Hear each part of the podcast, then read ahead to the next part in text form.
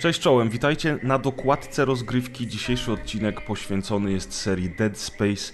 Ja nazywam się Grzegorz Wojewoda, czyli Presperes, a ze mną dzisiaj są Tomek Pieniak Chwała Altmanowi. i Rafał Szychowski, czyli Stary Gracz. Dzień dobry, witam serdecznie. Dziękuję, że się spotkaliście ze mną, a okazja jest nie byle jaka, dlatego że pod koniec miesiąca ukaże się remake gry Dead Space, w związku z czym zrobiliśmy sobie małą powtórkę z serii.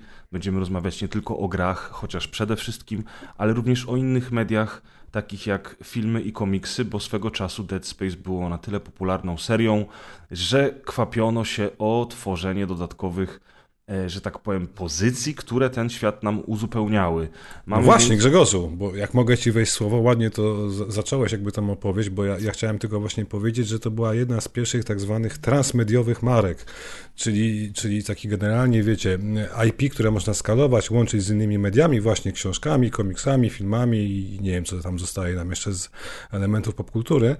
A, i, I to był przykład takiego faktycznie wykorzystania marki na pełną skalę, nie? Tak, a jednocześnie dosyć e, był to karkołomny pomysł, żeby akurat tyle pieniędzy wpakować w tą markę. Mhm. I jak się, jak się tak zastanowimy, to to jest marka horrorowa, e, skupiona wokół jednego konkretnego eventu. No, to nie jest e, Mass Effect, powiedzmy, nie? Dokładnie. Który może trafić do szerokiej publiczności. I postawienie akurat na tego konia było dosyć odważne, muszę przyznać, ze strony Electronic Arts. Zresztą podobnie jak, no nie dekadę, ale parę lat później y, uczyniono to z Deus Exem Mhm. y, w Dokładnie. przypadku Square Enix, gdzie też nagle zaczęły powstawać książki, mniejsze wersje, y, spin-offy i tak dalej. I też pompowano w to pieniądze, po czym nagle ucięto, a w przypadku Dead Space'a może nie, nie wyprzedzajmy faktów. Tak jest. No właśnie, a po- ciekawe jest to, że, że w Dead Space zainwestowano tyle wysiłku i pieniędzy, tym bardziej, że seria w zasadzie niczym ta mrugająca gwiazdka z piosenki, która towarzyszyła jednemu ze zwiastunów przy okazji premiery gry w roku 2008, że seria ta bardzo rozbłysła na niebie i w ciągu pięciu lat praktycznie zniknęła.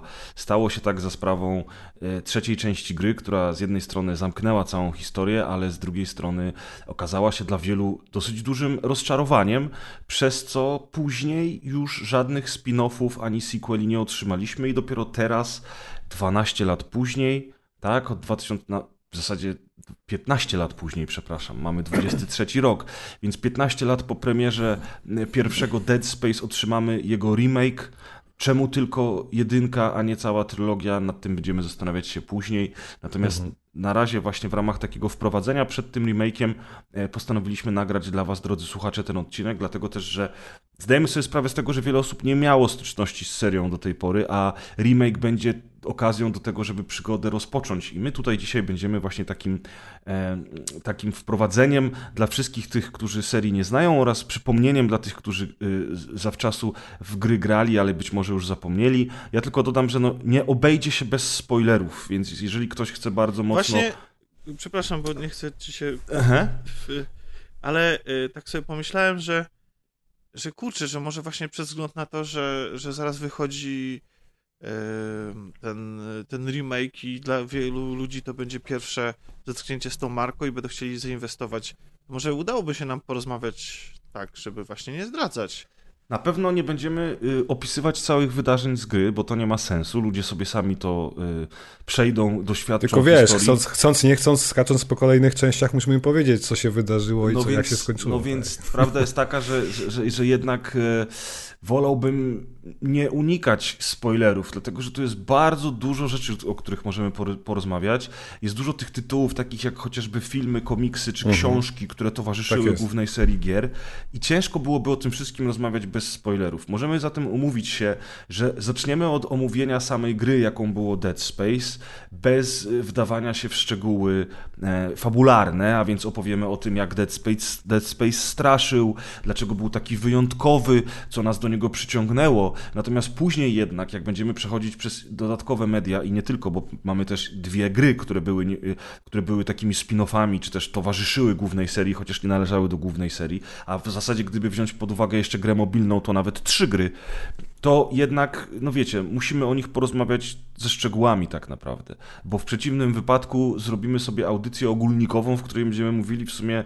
Wymieniać tytuły będzie. Tak, będziemy, będziemy mówili tylko streszczenia y, jakby takie krótkie, które w ogóle jakby nie mają tutaj sensu, tym bardziej, że właśnie, tak jak sami zauważyliście we wstępie, bardzo dużo tych mediów kręci się wokół głównej gry i uzupełnia główną grę, chociażby właśnie film Downfall czy gra Extraction, które dzieją się przed wydarzeniami z pierwszej części gry i które tak naprawdę są wprowadzeniem do tych wydarzeń. No ciężko by było tak tylko po prostu ogólnikowo o tym wszystkim opowiedzieć, ale okej, okay. spotkajmy się po środku, Mhm. I omówmy na razie samą grę, która, e, w której to nie będziemy e, poruszać żadnych tematów spoilerowych.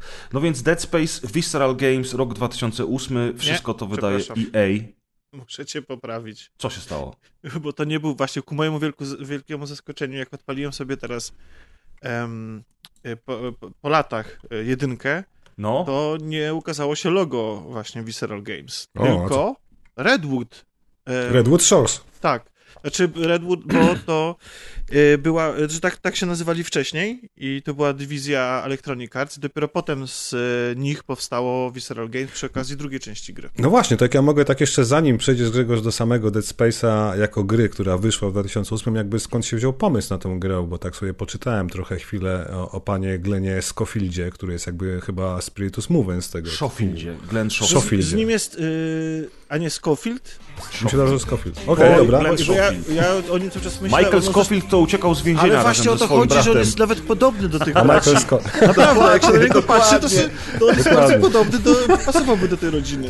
O, I teraz powinniśmy sobie puścić Prison Break Anthem w tle, wiesz, żeby Tak jest. Wiecie, ja chciałem tylko tak króciutko, zanim, zanim przejdziemy do samego Dead Space'a, właśnie, że bo oni już e, mniej więcej w 2006 myśleli o tym, żeby stworzyć jakieś nowe IP, no bo tu trzeba podkreślić, że Electronic Arts to nie jest firma, która e, wdrażała czy też stworzyła nowe IP, a wtedy faktycznie w 2008 dostaliśmy Dead Space'a i Mirror's Edge Exequo, więc to jakby były dwa nowe IP, to całkiem niezłe swoją drogą, ale w 2006 właśnie Glenn Schofield, y, Schofield, przepraszam, e, e, już wtedy z nowo uformowanego studia Visceral Games, czyli tak jak mówi Tomek wcześniej EA Redwood Shores to się nazywało chyba pełna nazwa, oni właśnie myśleli nad stworzeniem takiego nowego horroru, czegoś przerażającego, no bo wpierw myśleli o tym, żeby stworzyć nowego system shocka i to tak, miał być... System, miał być no. Tak, system shock trójeczka miał być właśnie, a, a potem zobaczyli, że w 2005 wyszedł Resident Evil 4 i to zupełnie spowodowało pewne przetasowania ich koncepcji, pomysłów i doszli do wniosku, że zrobią po prostu horror TPP, no bo to jest na topie teraz. Dostali chyba 3 miesiące z tego, co wyczytałem, na stworzenie takiego proof of concept, żeby przekonać egzekutywę EA do dania zielonego światła. No i tak powstał projekt Rancid Moon. Rancid Moon, czy, przepraszam, Rancid, tak? Moon, to chyba można przetłumaczyć jako, nie wiem, zjełczały księżyc, coś takiego, który oczywiście przeistoczył się finalnie w nazwę Dead Space i, i, i tak to wyszło. No. Tak, jeszcze, bo z panem Glennem jest taki e, w cudzysłowie pro, e, problem, bo właściwie jego rola jest e, przy tym, przy tym projekcie, przy Dead Space nie do końca określona, to znaczy on się sam jakby przedstawia jako producent, tak? jako Kojima, nie, jako twórca, natomiast i dyrektor, więc natomiast w samej grze widnieje jako executive producer. No ale CV ma imponujące, bo spojrzałem przed nagraniem. Nie, nie, absolutnie, ja mu nic tak. nie chcę odejmować, tylko w sensie, że, żeby wymienić chociażby jego partnera Michaela Kondreya e, chyba, z którym mhm. zresztą potem założyli e, obydwaj po pierwszym Dead Space odeszli z e, Visceral, czy w ogóle, tak. i, i założyli Sledgehammer Games, które już akurat Press powinien kojarzyć. Oczywiście, Modern bo to Warfare twórcy 3. Call of Duty. E, tak, między innymi Modern Warfare 3. To ale powiem ci szczerze, że zawsze ten facet mi kogoś przypominał i dopiero teraz, jak ty to powiedziałeś, to ja skumałem się, że to jest jedna i ta sama osoba. E, bardzo ciekawa rzecz, tak naprawdę. Zupełnie nie wiem, czemu mi to umknęło. Przecież oglądałem jego e, wywiady różne, różniste, kiedy oni promowali i Modern Warfare 3 i DLC-ki do niego i potem kolejne odsłony Call of Duty. A oni nie robili Advanced ten... Warfare? Też, też chyba, nie? Tak, też. Tak, tak, A to był ten sam koleś, Glenn tak. Schofield. No, no właśnie. No właśnie. Tak, tutaj... Ale on wcześniej, wcześniej miał na koncie naprawdę, miał, miał między innymi From Russia With Love. Tak. Um, od, czyli Jamesa Bonda. Bardzo fajna gra. Nigdy nie grałem. Wiem, że to wyszło na PS2, prawda? A swoją drogą, jak gadamy o horrorach, no to wszyscy już graliśmy w Kalisto Protocol, prawda? Graliśmy. Ja jeszcze nie skończyłem. Tak. Aha, dobra, no to Bez bez spoilerów oczywiście, tylko chodzi mi o sam fakt. A jak oceniasz Tomku? No, czy to jest twój zawód? Bo to jest mój zawód tak naprawdę. Yy, wiesz co, nie, ale, ale pomyślałem, że moglibyśmy pogadać o tym na, Na końcu? Też tak bo uważam. To jest, Okej, jako, okej, to jest dobra. taka spuścizna i to jakby duchowy Tak, bo Spadkobierca duchowy, tak. Tak, tak, tak. To jest i- właśnie teraz, właśnie teraz to jest dobry moment dla wszystkich fanów horrorów, dlatego że pod koniec roku y, pojawiła się rozbudowana wersja Resident Evil Village. Ta, w której Mhm. pojawił się wątek zamykający całą historię, a więc historia o Rose, ale również możliwość ogrania tytułu w kamerze trzecioosobowej, plus jakieś dodatki do najemników. No i to Gold No i za Edition- miesiąc VR. tak, za miesiąc VR do tego wszystkiego. To Gold Edition e, Resident Evil Village to był taki początek tych, e, te- tej dobrej pasy dla horrorów. Następnie otrzymaliśmy The Callisto Protocol, który jest e, takim duchowym spadkobiercą serii Dead Space i jest tworzone też przez pana Schofielda, między innymi. A teraz pod koniec stycznia otrzymamy remake pierwszego kultowego już Dead Space, więc dużo się dzieje, a na horyzoncie jeszcze remake Resident Evil 4, prawda? A ja wiecie co, ja tak myślę, że pan, pan Schofield to raczej nie wiedział, że, że miesiąc po Kalisto wyjdzie Dead Space Remake, nie? To, To już mają wiesz, trochę to pecha. już, e, to już jest, jest kwestia wydawcy i różnych myków marketingowych i nie tylko, natomiast e, wiesz, jednak jest du- du- dużo czasu między premierą e, The Callisto Protocol a premierą Dead Space Remake. Tak naprawdę to są prawie dwa miesiące, a nie miesiąc. Mhm. Ale niestety, tak jak już wiemy, Callisto Protocol sprzedało tylko, tylko 2 miliony sztuk, kiedy planowano 5 milionów, a No tak, budżet 160 milionów dolarów to był dosyć kosztowny e, proces, w związku z czym no, gra No to okazała sugeruje, się że- zawodem. Znaczy jak Sugerus- się... Mhm. Znaczy, chciałem tylko powiedzieć, to sugeruje, że możemy nie dostać dwójki, no bo Cliffhanger, e, tutaj Tomku ci uprzedzam, e, mówi, że powinniśmy dostać kolejną część. Ale już jest zaplanowane fabularne DLC, które wchodzi w, w Season Passie Naprawdę? gry. I, I to to, ma- co, ten cliffhanger, który jest na końcu gry, to tak naprawdę jest wprowadzenie do tego fabularnego DLC, które O! otrzymamy w tym roku, także spokojnie. Okej. I podejrzewam, że na tym się historia Kalisto Protocol niestety skończy, bo te dwa miliony sztuk okazały się niestety y, dla twórców i wydawcy Bywają gry, które mają bardzo długi ogon. Wydaje mi się, że ta gra, po... bo ona, umówmy się, ona została skandalicznie wydana na PC-cie. Tak. I to jest fakt. To zostało chyba już naprawione. Na konsolach działa lepiej. e, I wydaje mi się, że. Kurde, Trochę mieliśmy przehajpowana nie, była, mieliśmy nie, mieliśmy nie rozmawiać o Kalisto, ale dobra. Okej. Powiem, powiem, co myślę po tych kilku godzinach. E, Uważam, że ta gra jest lepsza niż moje wyobrażenie o niej, kiedy zasiadałem do grania po przeczytaniu wszystkich recenzji, obejrzeniu i tak dalej, i tak. Mam wrażenie, że ta gra będzie miała, że to będzie jeden z tych, jedna z tych gier, które mm, na premierę zostały całkowicie, były chłopcem do bicia po prostu, w sensie jeden element być Mhm. może się nie udał, coś komuś nie przypasowało i potem po prostu już absolutnie każda wada gry y, jest rozciągana jako nie wiadomo jaki, y, jaka wielka porażka. Ja To mi się wydaje, że ma, ma, masz trochę szczęścia, bo wyszły jakieś najnowsze pacze, Tak, które po, a- poprawiają mechanikę walki, a to jest mój główny zarzut. Nie chyba wszystkich tak, e, naprawdę. Tak, znaczy Przejdziemy tak, ale jest- naprawdę na Przejdziemy, końcu, dobra. Dobra, Bo nie ma co, mamy odcinek specjalny o Dead Space, a rozmawiamy o Kalisto Protocol. Okej, masz rację, E, tak. Natomiast, natomiast to jest istotne z tego względu, że jakby je- jednak nie było, ludzie na Kalisto Protocol czekali właśnie dlatego, że tworzy, tworzyła y, go osoba odpowiedzialna za Dead Space, za grę kultową, uwielbianą i teraz jakikolwiek e, jakakolwiek, jak- jakiekolwiek potknięcie, o, brakowało mi słowa, jakiekolwiek potknięcie w tym momencie y, okazało się wielką tragedią dla internetu i y, internetowego hive mindu. Jakie jest moje zdanie na temat, na temat ludzi, wszyscy dobrze wiemy. w każdym razie, w każdym razie y, Ja mam dla nich, żeby nie było wi- większe, większą wyrozumiałość. Ta gra kosztuje 300 zł i to jest bardzo Prawda. dużo. Oczywiście. I, i, I pretensje mogą mieć ci, którzy kupili ją na premierę. Ale sam ja przyznałeś, a sam poczekaj, ja przyznałeś że wyolbrzymiają bardzo mocno, Natomiast, prawda? natomiast no, no jest taka prawda, że też jest po prostu ludzie, którzy nie grali i nie wydali tych pieniędzy, do czego mają prawo, bo uważam, że 300 zł to jest naprawdę dużo i każdy jakby rozporządza, jakby też z góry zakładają, że to jest jakiś nie wiadomo jaki babol niedorobiony i w Tak. ogóle szrot, a ja się tutaj przynajmniej do tego momentu, do którego ja y, doszedłem w grze, z kilka godzin grałem, nie wiem ile, może 4, 5. Czy ja nie lubię oceniać gier, ale dla mnie to jest takie 7 na 10, może wiesz, może Ale coś No to tak, jest- ale to nadal bo nie to jest gra powód do 7 na tego, To jest żeby dobra ją- gra, tak. Nadal Jest. nie jest powód, żeby ją mieszać z błotem i uważać za niesamowitą porażkę i Otóż to. cieszyć z tego powodu, że... że, że e... I pewnie kropka, bo zaraz press tak. powie, że idziemy w Dead Nie, no to jeszcze tylko się odniosę do, do 160 milionów budżetu.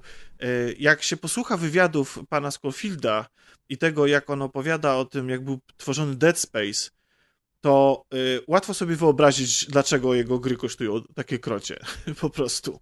Bo, y, bardzo polecam wywiady, później będziemy mieli okazję już tam szczegółowo bardziej rozmawiać o tych grach, to, to też się do nich parę razy odwołam. Po prostu pan uwielbia palić pieniądze.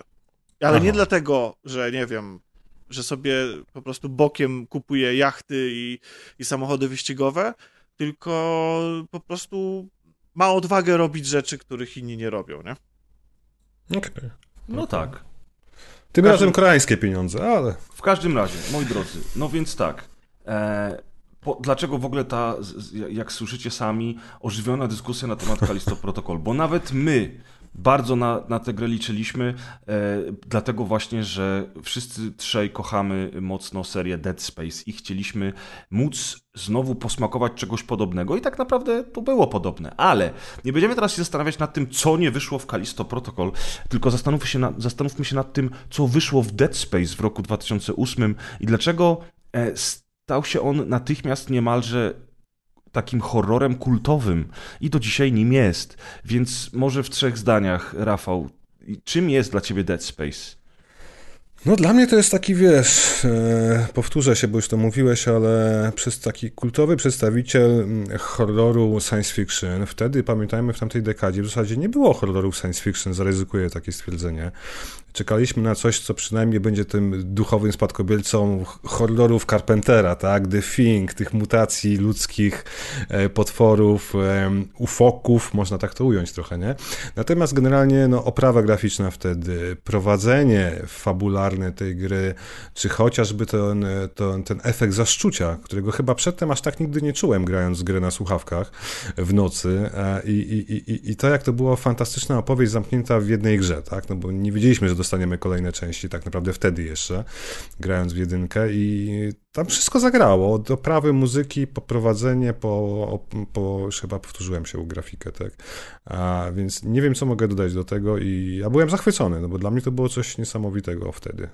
A ty, Tomku? Ja na premierę tytuł kompletnie olałem, dlatego że y, oferował rzeczy, które były sprzeczne z moją religią.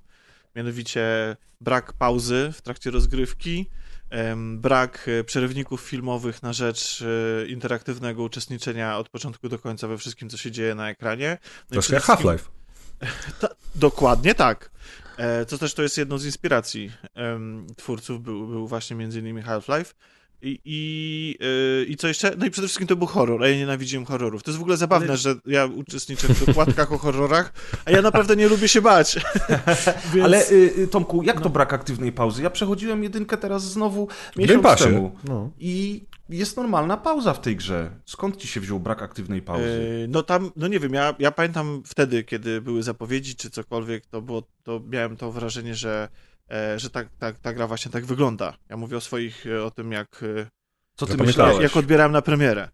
okej. Sięgnąłem po nią parę lat później, nie wiem z jakiego powodu, już nie pamiętam, chyba był po prostu listopad, czy tam październik i chciałem coś strasznego spróbować, bo akurat, y, i akurat to mi się napatoczyło w jakiejś promocji i o mój Boże, zakochałem się z miejsca. I myślę, że z, z tych samych powodów, co wszyscy. Przede wszystkim ta gra, nawet te kilka lat później, ona eksploduje kreatywnością i pomysłami, których nie ma nigdzie indziej. Na każdym etapie produkcji od samego konceptu, od, y, poprzez historię, po y, to, kim sterujemy, znaczy w, w, co- y, w kogo się wciela gracz, jaka jest mechanika walki, a kończąc, nie wiem, na sposobach y, straszenia, tak, bo, bo czerpała ona, jak wiemy, z, z różnych mediów i z różnych sposobów i tak Ale dalej. zobacz, co jest ciekawe, że nawet nie zżynali żadnej historii klasycznej o potworach czy ufokach z kosmosu za, i tam, wiesz, patogenach, bo jakbym długo myślał, to nie znajdę jakichś analogii filmowych czy książkowych. Nie, zwłaszcza, że się ostatecznie okazuje, że najważniejsza w tym wszystkim nawet nie jest nie są te potwory, co... Nekromorfy. Tak. Co dekromorfy, co co religia. Mhm. Właściwie to Dokładnie. opowieść o wierze, o religii, nie? O próbie zrozumienia świata, ale też o samotności i tak dalej, i tak dalej. No ale to do tego sobie przejdziemy. No, no to, więc to mnie, to jest dla mnie, pie, pierwsze chwile z tą produkcją e, uświadomiły, mi- uświadomiły mi, jak byłem głupi, nie sięgając e, po nią na premierę, bo nic tam po prostu nie było typowego. A to był akurat okres, kiedy królowały strzelanki wojskowe. Em, Tymczasem tutaj dostaliśmy, jak sami autorzy się, się śmieją, że dostaliśmy drugiego najbardziej wpływowego bohatera klasy robotniczej. Po pierwszy to Po- po oczywiście... Mario. Jest, pe- tak, po pierwsze jest oczywiście pewien hydraulik. E, i, i, a, a, a nie dostaliśmy żołnierza, tylko dostaliśmy inżyniera, który, który nie wali z bazuki karabinu maszynowego, tylko z narzędzi, które, e, które ma pod ręką, który w ogóle cała e, jakaś interakcja ze światem, też i, i fabuła powiedzmy taka tu i teraz, która się dzieje, to też się opiera na jego zawodzie, który ma kostium i, i strój, który jest niepodobny do niczego, co widzieliśmy wcześniej. Ale to trochę jak Gordon Freeman znowu się kłania, nie? Tak, tak, dokładnie. I to, tak, tylko że to, to było razem połączone, było naprawdę odświeżające, nie? Mhm. I no i kurczę, no prawda jest taka, że ta gra y, pewnie by nie, nie odniosła takiego sukcesu, gdyby sam system walki nie był taki super. A System ten pomysł, walki, y, kreacja w ogóle otoczenia, wykorzystywanie tego otoczenia chociażby do rozwiązywania prostych łamigłówek, sposób straszenia w tej No, grze. eksploracja tego statku, który był niesamowicie skonstruowany, ten Tam jest, level bardzo, design. tam jest bardzo dużo różnorodnych elementów, które złożone do kupy dały taki e, piorunujący efekt końcowy.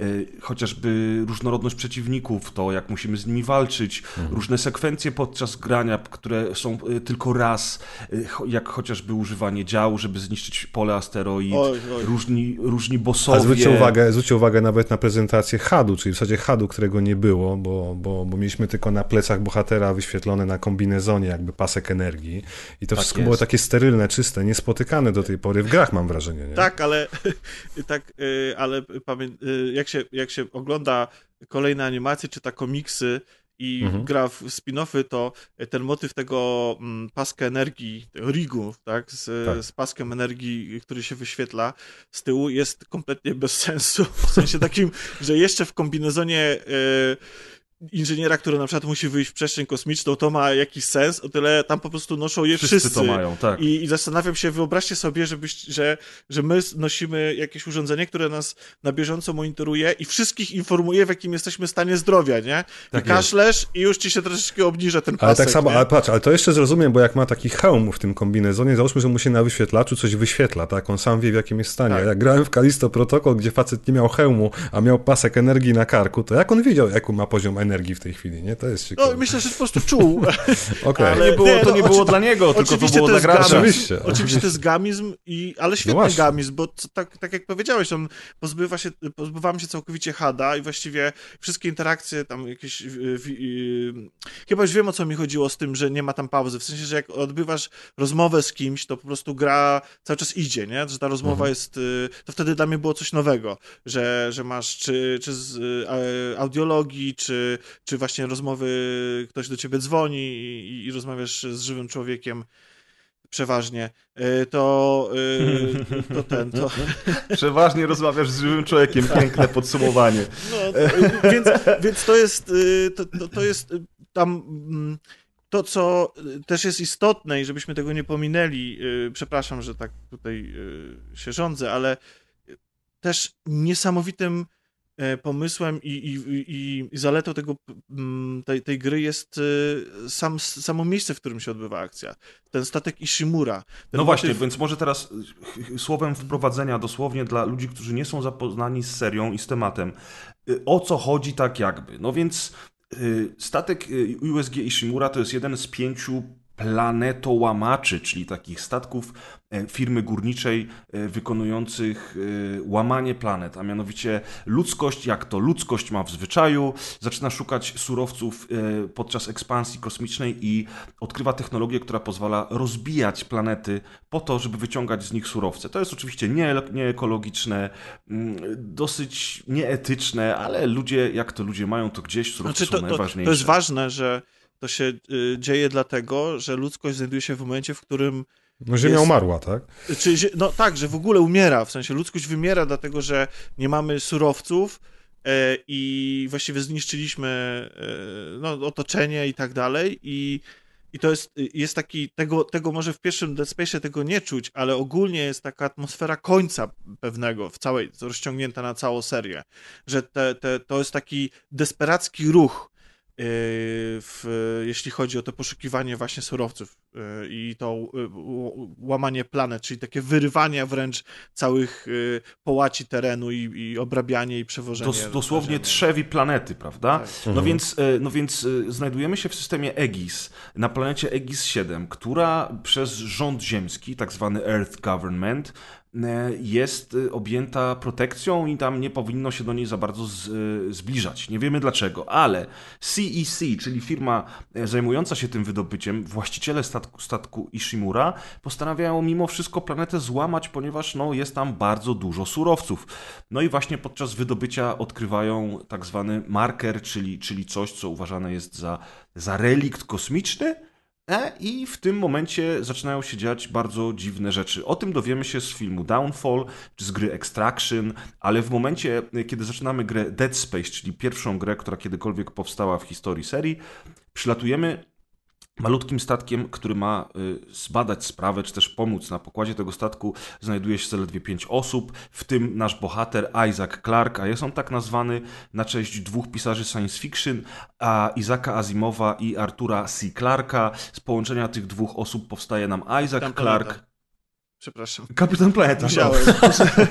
Powsta- kapitan y, ten, y, planetołamacz. Tak, dokładnie. Powstaje, powstaje nam Isaac Clark, który ma ten niefart, że y, ląduje na statku Ishimura, na którym dzieją się, czy też działy się przed jego przylotem różne dziwne rzeczy, ale na statku również znajduje się dziewczyna Clarka, niejaka Nicole, którą będzie on chciał odnaleźć. No i tak oto lądujemy na Ishimurze, gdzie po kolei będziemy zwiedzać fragment za fragmentem, chociażby po to, żeby uruchomić z powrotem silniki i odkryć tajemnicę tego, co się wydarzyło. I o tym jest tak naprawdę Dead Space, ale wraz z kontynuacją serii, z dodatkowymi mediami, a także wraz z przeczytaniem i odsłuchaniem didaskaliów, które znajdują się już w pierwszej grze, okazuje się, że jest to również historia o religii, czyli to, o czym wspomniał już wcześniej Tomek. No i właśnie, z jednej strony mamy narrację, która się nie zatrzymuje, e, takie przedstawienie świata rodem z Half-Life, gdzie Nasz bohater na żywo bierze udział w wydarzeniach, w dialogach i w rozmowach, a z drugiej strony mamy te nieszczęsne didaskalia, które wtedy zaczynały w sumie dopiero raczkować i było to jeszcze przed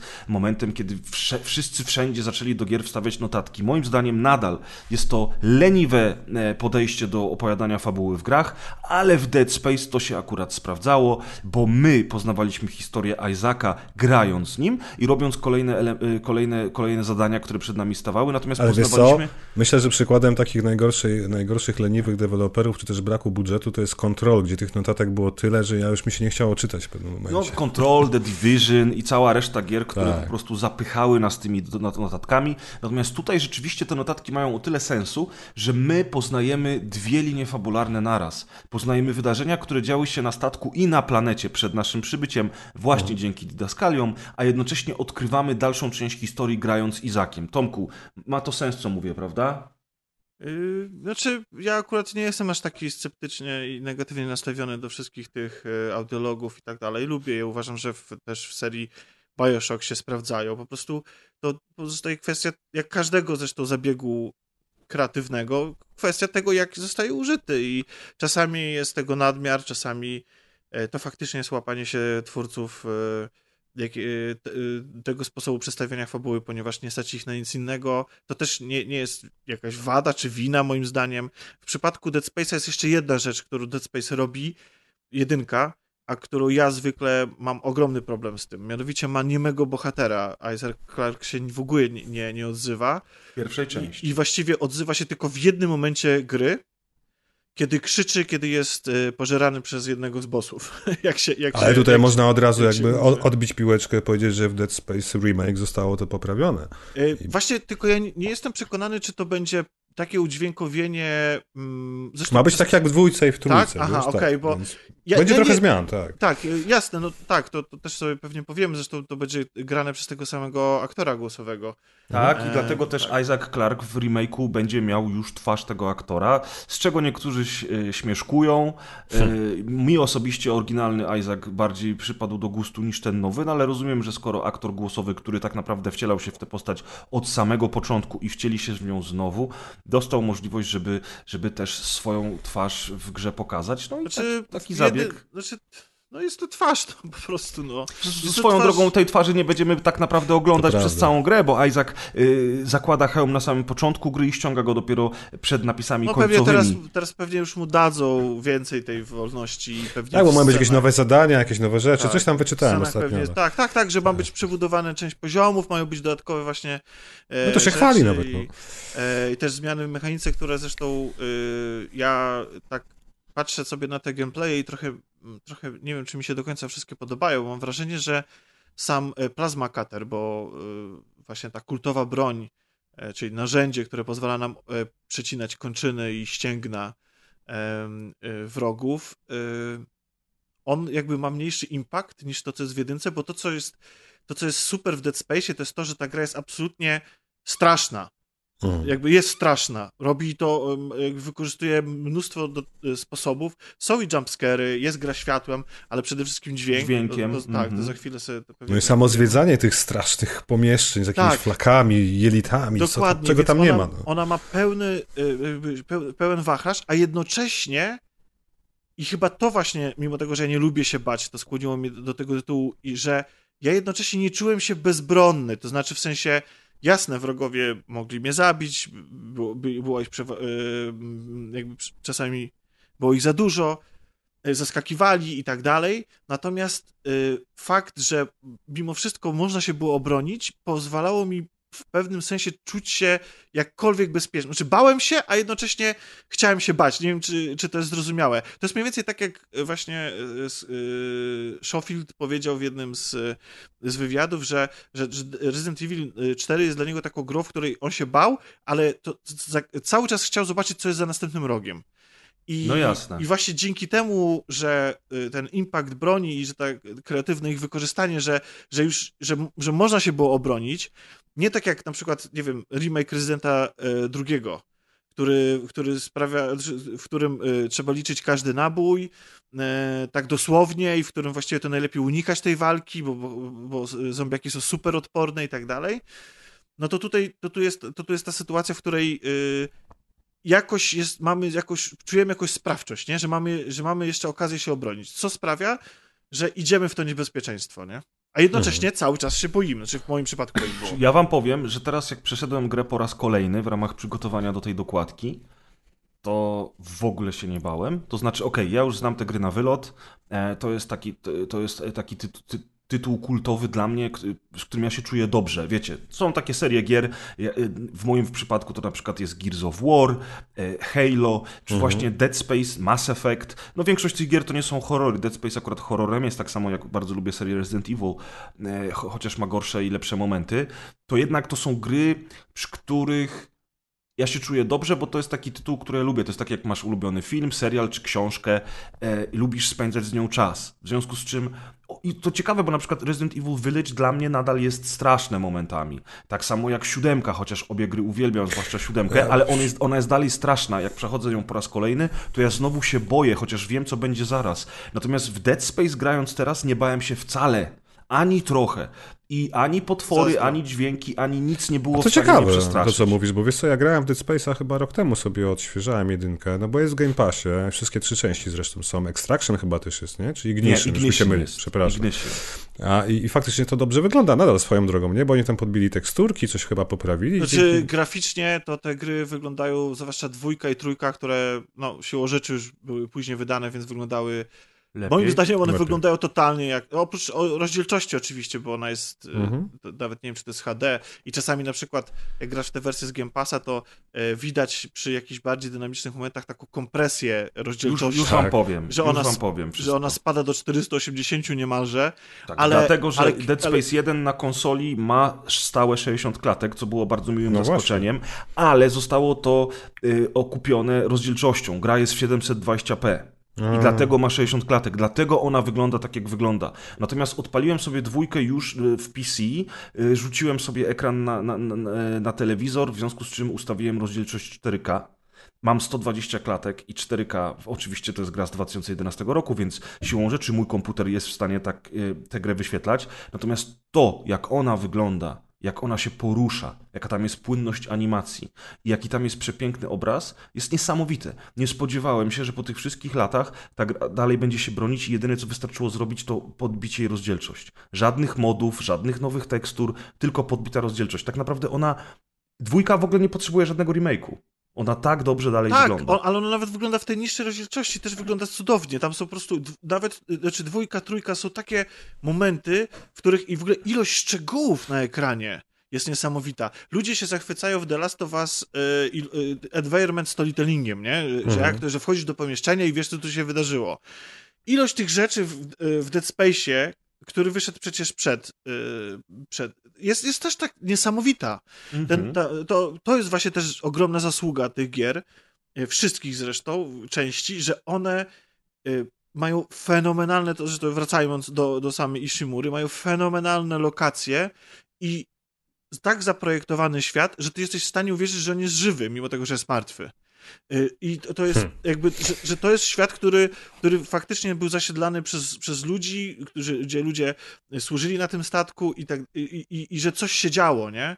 I to jest y, lokacje, które się odwiedza, y, sposób ich prezentacji i właśnie ta, ta bogatość, szczegółowość tego otoczenia dla mnie robią ogromne wrażenie, naprawdę. Ja nie mam w ogóle wrażenia, że gram w starą grę. Dlatego ja wam powiem, że jestem strasznie ciekaw, jak to będzie w HDR-ze czy Dolby Vision wyglądać na 4K ekranach, chociaż nie wiem, czy czytaliście, jak Dead Space Remake ma działać na konsolach, co trochę mnie zmartwiło. No bo że w 30, 30 tak?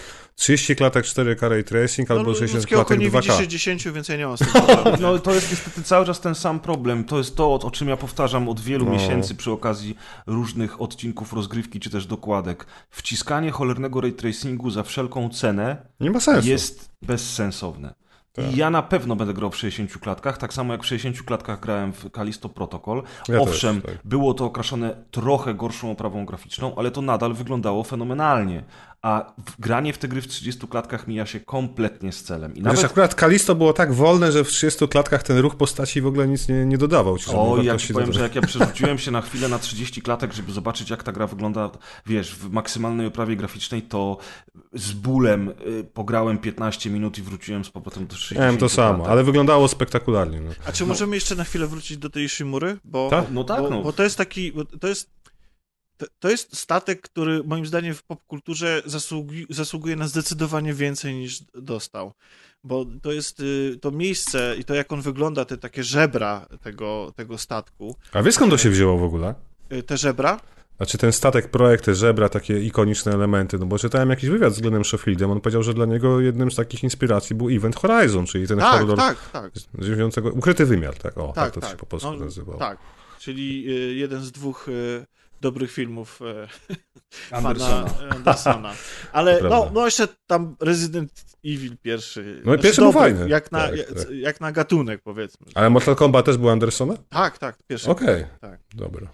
E, w każdym razie jakby, tak, no i w ogóle to jest już, już piąty projekt był kupiony mm, tego statku, bo, bo, na przykład w przypadku kostiumu samego e, Izaaka, no to aż e, to chyba 38 E, tego konkretnego e, designera projekt dopiero został zaakceptowany, Aha. a wcześniej byli jeszcze inni designerzy przed nim, więc, więc pod tym względem, jeśli chodzi o wygląd samego, ale też jego kostium jest, też jakby w ogóle oni się bardzo mocno skupili na, na tych wykorzystaniu i powracającym takim motywie właśnie tych żeber. Mhm. E, że właśnie tak jak, tak jak w, z Ishimura to jak wygląda i, i to i, i, i, i ten, ten, ten taki schemat, czy taki motyw, leitmotiv y, w stylu, on się przez całą serię powraca właśnie nawiązanie do tego statku. A dlaczego jeszcze chciałem do, wrócić? Y, A w ogóle te żebra, wygląd tego statku, te żebra, nie kojarzy to wam się po prostu z trupem? Tak, jak najbardziej. To no kojarzy się z trupem. Piekielnym, wiesz, y, w ogóle, w ogóle przy, co jest ciekawe dosyć i, i, i prawdę mówiąc nie myślałem o tym w ogóle, w, w ogóle przy projektowaniu i różnych elementów, tak, wizualnych te, tej serii, twórcy sięgali do stworzeń morskich, co nie jest takie oczywiste, bo nam się kojarzą stworzenia morskie z jakimiś ośmiornicami, rybami i tak dalej. Ale to wieloryba ale... przypomina ten statek trochę. Nie? Tak, ale oni jeszcze, oni się odwoływali, swoją inspirację czerpali w encyklopediach z XIX wieku jakiegoś niemieckiego badacza. E, I po prostu i jakby inspirowali się rysunkami jego, więc te, te morskie stworzenia musiały być w tym e, w, tych encyk w tej encyklopedii przez niego zrobione, musiały naprawdę e, potwornie wyglądać. No i jedną z inspiracji jest jeden z ulubionych filmów Preza, czyli The Thing, nie? To już wygląd samych ksenomorfów tych wrogów. To w ogóle absolutnie mi się The Thing tutaj rzuca na myśl, bo przecież nawet ten motyw y, tej paranoi, który jest w Dead Space, tego, że odkryty marker wpływa na ludzi, wywołuje, wywołuje różne wizje, doprowadza do szaleństwa, w końcu zabija, tak? A, a zabitych reanimuje. E, to wszystko bardzo mi się ko kojarzyło z The Thing, chociaż oczywiście w The Thing e, ten kosmita, którego oni odkryli na Antarktydzie, on po prostu zmieniał wygląd, tak? Żeby przypominać otoczenie, więc to nie było to samo, ale jakby to, to poruszanie się, mm, te, te, wszystkie, te wszystkie takie krwiste elementy, które posiada kosmita z The Thing, są widoczne tutaj w nekromorfach jak najbardziej. A w ogóle jak już jesteśmy przy nekromorfach, to... A swoją drogą, widzisz, mówiłem ci, że nie ma podcastu, w którym nie mówi się o The Thing Carpentera. Dokładnie. Tak, to, to, jest, to, jest, to jest kamień milowy ten film. A razie... słyszeliście o Carpenterze, co chlapnął ostatnio? Czy tak, Carpenter się podobno wygadał, że są plany na powstanie filmu Dead Space. I to strasznie tak. poszło szeroko szeroko, tak. Ale to, to było już wcześniej. Bo... Tak, bo to rok temu chyba. Ale nie, to w ogóle było da dawno temu, bo on powiedział, że jeżeli on by miał zrobić jakiś y, film, to chciałby zrobić Dead Space'a. I on i, i y, mogę na niego mówić Scofield? Przepraszam, panie. Możesz. Move, move Scofield. Prison y, Break Anthem. Tak. All the way. No więc pan Scofield się spotkał z no, z Carpenterem. Z Carpenterem mhm i, rozma e, i rozmawiali i Carpenter mu podrzucił sporo pomysłów, którymi on się zainspirował podobno w dalszej pracy, więc, więc jakby... Tylko nie wiem, czemu te newsy wypłynęły parę dni temu, wiesz, jakoś tak no na jak to czemu? Zaraz jest premiera remake. No właśnie, A, grzanie, okay. grzanie, grzanie tematu. no ja, kotleta. Jasne. Ja, I tak, ja, ja, ja to słyszałem w wywiadzie, który zdaje się był opublikowany 3 lata temu, więc. Okay. Ale okay. może, może po prostu ktoś. Znaczy on chlapnął, że wie, że on powiedział, że on tak, bo sobie zapisałem, że myślę, że mają zaangażowanego innego reżysera. Mnie o to nie prosili. To brzmi tak, jakby ten projekt faktycznie, wiesz, był już rozpędzony. Znaczy, tak? wiesz, no Halo, y, ja pierwsze newsy o ekranizacji Halo, pis, Halo y, pisałem mhm. w 2000 trzecim roku? No Spielberg miał się za to brać chyba, tak? Coś tak, tam było i miał, i miał y, tak, a, a, z kolei inna, inna, y, powiedzmy horrorowa, no nie, no śmiało można, mogę porównać nawet tę serię, mhm. e, też o postaci, która biega w skafandrze i przez całą grę nie widzimy jej twarzy, czyli Metroid. Seria też miała być ekranizowana przez, e, wydaje mi się, że przez e, tego, kurczę, no dobra, nieważne. A, już wiem, Johna Woo. E, tak, że John Woo miał, miał to realizować, że w ogóle. Tak samo ten, te, te pomysły, więc tam są, oni mają prawa, czy też coś z tego będzie. No tak, bo dzisiaj się kupuje prawa z automatu do czegoś, co jest w ja, tylko, ja tylko się boję jednej rzeczy, że że nie ma szans, żeby zrobić tak dobry film, jak jest pierwszy, yy, pierwszy Dead Space. No chyba, że Carpenter by go zrobił, no ale to już Ale to wiesz co, to na to potrzeba po prostu ogrom budżetu, takiego budżetu, którego wydaje mi się, że on, nie ten film no. nigdy by nie, nie zwrócił się. I, i, i ten, ten pomysł dojenia marki, no umówmy się, bo to jest dojenie marki, mhm. e, w przypadku właśnie tych wszystkich mediów rozszerzonych, to był, tak ja wrócę do tego, że on był naprawdę karkołomny, ale trudno mieć o to pretensje, skoro taka gra dostaje tak bardzo rozszerzone uniwersum. I, i sorry, bo, bo, że jeszcze wrócę do tej Ishimury, ale, ale to dlatego, że y, mi się, ja, ja nie wiem, czy, czy też y, się ze mną zgodzicie, że oglądając wszystkie materiały dodatkowe i spin-offy i grając i tak dalej, to że właściwie ten statek to jest Raccoon City, Dead Space'a, że właściwie każda sekunda tego, co się działo tuż przed yy, tą katastrofą i podczas katastrofy tego outbreaku i tak dalej, jest opisana po prostu tak jak wracamy yy, w tych komiksach, animacjach, czas, yy, czasami yy, komiks, animacja i e, spin-off dzieją się dokładnie w tym samym momencie i opisują przygody ludzi, których ścieżki się przecinają na przykład, nie? I żeby zrozumieć pełną historię, to musimy to wszystko skonsumować. To to jest właśnie tak jak, to jest mniej więcej tak jak w Raccoon City, e, które po prostu jest ciągle mielone i mielone Znaczy i mielone ja bardziej bym, wiesz co, dla mnie dwójka jest bardziej takim Raccoon City, bo już jesteś po tych wszystkich, wiesz, rzeczach, czyli tych spin-offach i jedynce i ten Sprawl City jest właśnie tym Raccoon City, a Ishimura jest takim Mansion z Residenta, nie? Korzystając Tak, z tej tak, ale woli. chodzi mi o sam, sam, Tak, sam, no tak, ten, jasne. ten motyw, że, Mhm. że po prostu jedno kultowe miejsce, bo nawet są dwa komiksy, chyba zdaje się, które się dzieją po już wydarzeniach z Dead Space 1, które się Tak. też dzieją wokół tego, że wraki Salvage i, chyba, i tak? Shimury i, i planety. Salvage. I, Mhm. Tak. Do tego przejdziemy. Słuchajcie, w każdym Dobra, razie tak. jeszcze jedną rzecz, to jest ważne, dyskutujemy o grze komputerowej przede wszystkim i e, o survival horrorze, Wideo. czyli o grze wideo, przepraszam, tak, wiedziałem, że się przyczepisz. Ładnie to Rysław ostatnio powiedział, horror przetrwalnikowy, nie? Tak, więc mamy, mamy survival horror. y, Jednym z najbardziej znanych tytułów tego gatunku jest oczywiście Resident Evil, no i Dead Space e, wytycza tutaj nowe standardy w sumie w gatunku, wykorzystując to science fiction nie tylko jako tło do opowiadanej historii, ale też jako elementy e, mechaniki w grze, bo mamy tutaj chociażby stan nieważkości w jedynce dosyć prosty, gdzie będziemy odbijać się od ściany do ściany, przemierzając niektóre lokacje. Mamy, e, mamy telekinezę, którą będziemy przesuwać różne przedmioty w jedynce przede wszystkim po to, żeby rozwikływać różne zagadki środowiskowe, ale czasami też, żeby walczyć. Mm, I w końcu mamy też stazę, a więc zatrzymywanie w miejscu, zamrażanie ruchomych elementów, bo będziemy je używać nie tylko podczas walki, kiedy szarżujący przeciwnik będzie na nas leciał, a my mu rzucimy pauzę i on wtedy będzie się po- poruszał. jak Czarne mucha- spowolnienie. Tak, b- tak, czarne spowolnienie, dokładnie. I on się będzie wtedy poruszał jak mucha w smole, a my będziemy mu poszczególne Ale kończyny jak to jest odstrzeliwać. Ja ale również użyjemy tej stazy do zatrzymywania chociażby zepsutych drzwi, które non-stop się zamykają, a my musimy przez nie przejść, więc wtedy te drzwi sobie spowolnimy i możemy przedostać się do dalszej części etapu. No i właśnie ci przeciwnicy są tutaj bardzo ważni, bo to są tak naprawdę reanimowane trupy, które pojawiają nam się w różnych formach. Mamy więc normalnych ludzi, na których widać jeszcze strzępki materiału, ale już z takimi e, ostrymi kończynami zamiast dłoni, którymi to będą próbowali nas zamordować, a my z kolei musimy odcinać te kończyny, żeby przeciwników pokonać, dlatego że strzelanie bezpośrednio w korpus nic nie daje. Będziemy więc masakrować im e, dłonie, ręce, nogi i głowy, żeby się przeciwników pozbywać, a ci pojawiają się już w pierwszej części. I to jest bardzo zaskakujące, że w aż tak dużej liczbie i z taką różnorodnością już w pierwszej części pojawiają się przeciwnicy, bo jest ich cała masa. Są różne rodzaje przeciwników, niektórzy są wolniejsi, inni są szybsi. Grubasy, jeżeli na przykład nie odstrzelimy im głowy i rąk, tylko strzelimy im w brzuch, to wypluwają z siebie takie małe robale, które będą próbowały nas od, o, o, obleść. Są przeciwnicy, którzy zamiast jednej ręki mają taką wybuchową narośl. Jeżeli w tę narośl strzelimy, to przeciwnik wybuchnie, ale jeżeli odstrzelimy tą rękę z naroślą, to możemy używając telekinezy użyć jej jako pocisku, który wystrzelimy w innych przeciwników.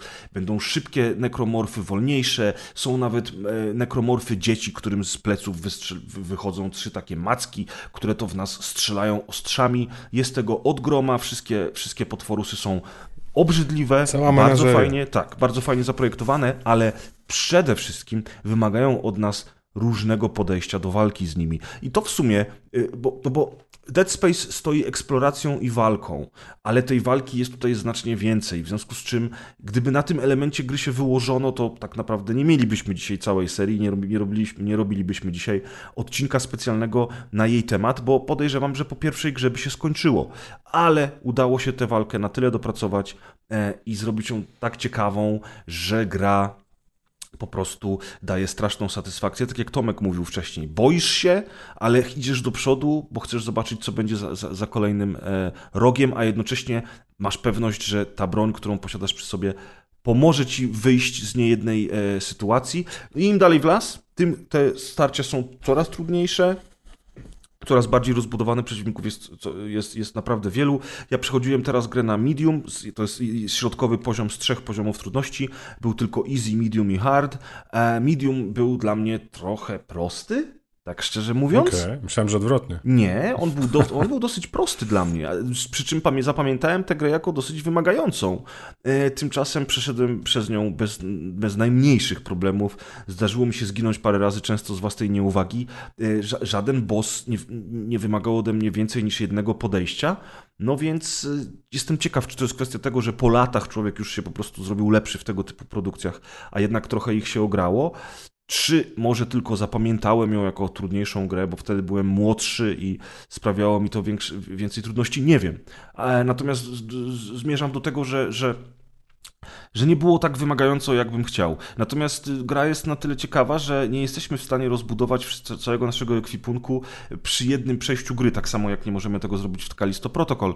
W związku z czym po przejściu na medium, jeżeli będziemy bardzo chcieli zagrać jeszcze raz, możemy zacząć New Game Plus na hard, otrzymujemy wtedy nowy strój w ogóle, spoiler alert, tak, na końcu gry dostaje się nowy strój, a w wersji PC to były wręcz dwa stroje.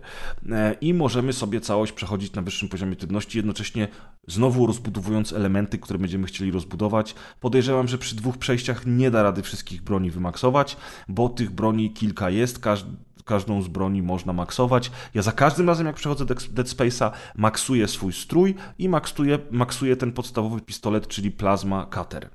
Chyba większość ludzi tak robi. Tak mi się wydaje. Plasma Cutter jest tak, uniwersalny, tak dobry nie? i tak uniwersalny, że właściwie no, nie, nie, jakby, tak. oczywiście reszta broni jest y, też super, i sprawia e, dużą frajdę, ale przyznam szczerze, że że tak, że ten plasma cutter jest po prostu nieodłączny. Nie? A wiecie, że ja y, miałem duży problem z, ze zrozumieniem działania niektórych broni, dlatego zawsze używam tych samych broni, jak przechodzę. Możemy mieć przy sobie cztery pukawki naraz, w związku z czym ja zawsze mam plasma cutter, line gun, e, flamer i ewentualnie karabin maszynowy, a z większością innych broni mam problem. I na przykład ten e, Force Gun, który jest takim swoistym shotgunem, on mi sprawiał dużo problemów. Ja nigdy nie byłem w stanie zrozumieć, e, e, na czym on polega, chociaż tak naprawdę to jest łapatologiczne. To jest po prostu shotgun, którego używamy na bliskich odległościach, i nie wiem, czemu nigdy wcześniej mnie nie olśniło. Olśniło mnie dopiero, jak dostałem tę broń w grze Extraction, o której będziemy dzisiaj opowiadać. Gra Extraction jest celowniczkiem. I tam też poznałem zasady działania wielu broni, których do tej pory nie używałem w serii. I jak zacząłem potem grać w dwójkę, to nagle okazało się, że Force Gun, czyli Dead Space'owy shotgun, jest moim najlepszym przyjacielem. Także to taka ciekawostka. Okay. Extraction uczy i bawi. To co, Downfall teraz? Czy jeszcze tak, jedynce? więc jakby tutaj jest moment, w którym kończymy już y, część bezspoilerową. Mam nadzieję, że ludzie, którzy, którzy serii jeszcze nie znają, a będą chcieli sięgnąć po remake, dowiedzieli się od nas e, sporo na temat tytułu, ale teraz już będziemy sobie o tym uniwersum znaczy, i o to, tych to wydarzeniach ja tylko jedno mówili. na, pod, na, ten, na podsumowanie tej części, no, jeśli pewnie. mogę, że Dead Space jest... To, on jest wprowadzeniem do całej ilości zajebistości tej serii. To jest e, przez wielu uważany za najlepsza gra, e, najlepszą grę e, tej, tej serii, ale ta seria jest moją ukochaną, dla, dlatego, że, dlatego, że ona jako całość po prostu broni. Ma gorsze momenty, oczywiście. Nie wszystkie pomysły są super. Wiele zmian wymuszonych na twórcach popsuło w wielu momentach zabawę, ale jako całość to jest naprawdę super uniwersum z bardzo fajną historią, e, której zakończenie jest satysfakcjonujące e, i, i, i te tajemnice, które się, które, których rozwiązanie po, poznajemy, też są, mnie przynajmniej usatysfakcjonowały. I oprócz tego po prostu ta cała nadbudówka, oprócz świetnego gameplayu, jest, e, jest warta tego, żeby zainwestować w tą serię. Może niekoniecznie za 350 zł na premierę, tak jak ta gra wychodzi, ja uważam, że żadna gra nie jest tyle warta. Nie, no 260 zł teraz widziałem premierowe tak? koszty. Okay. Na PC. No, na, PC, na konsolę. No, tak? konsolę no to, tak. to spoko. No, czy ja widziałem, że wersja cyfrowa kosztuje 350. A to wiesz, to są wersje cyfrowe, które ja zawsze bojkotuję, dlatego mówię Jasne. o pudełkach. No, ale to, to, to, Pudełka więc... należy bojkotować. Jeżeli kogoś stać i uważa, że to jest spoko cena, to, to śmiało niech inwestuje, jak nie, to niech czeka na jakąś publiczkę też z drugiej ręki czy cokolwiek, ale o. bardzo bym namawiał nawet tych ludzi, którzy, którzy się boją grać w straszne gry, żebyście spróbowali... Ja się boję, powiem wam szczerze. Ja też, no, bo, bo to jest seria, nawet nie gra, tylko seria, która oddaje wam z nawiązką, a jak y, pewnie już nie słyszycie, bo przechodzimy do części spoilerowej, pozostałe gry są nadal w 90% super grywalne do tej pory. Mhm. I, i, I to jest tak, że jak przejdziecie ten remake i będziecie chcieli więcej, to nie będziecie musieli czekać na y, to nie jest tak, że one się zestarzały nie wiadomo jak i że, że, że ciężko będzie po takim super remake'u wrócić do, do, do dwójki, czy do trójki, czy do jakichś spin-offów. Także mega zachęcam do tego, żebyście spróbowali. Ja też się bałem, a skończyło się tym, że to jest jedna z moich ulubionych serii. Ja się podpiszę po tym, co powiedziałeś i dodam tylko, że jak ja się boję, to odpalam sobie podcast, na przykład rozgrywkę i sobie gram wtedy spokojnie, nie bojąc się już niczego, więc ja można się wtedy tak. boję jeszcze bardziej.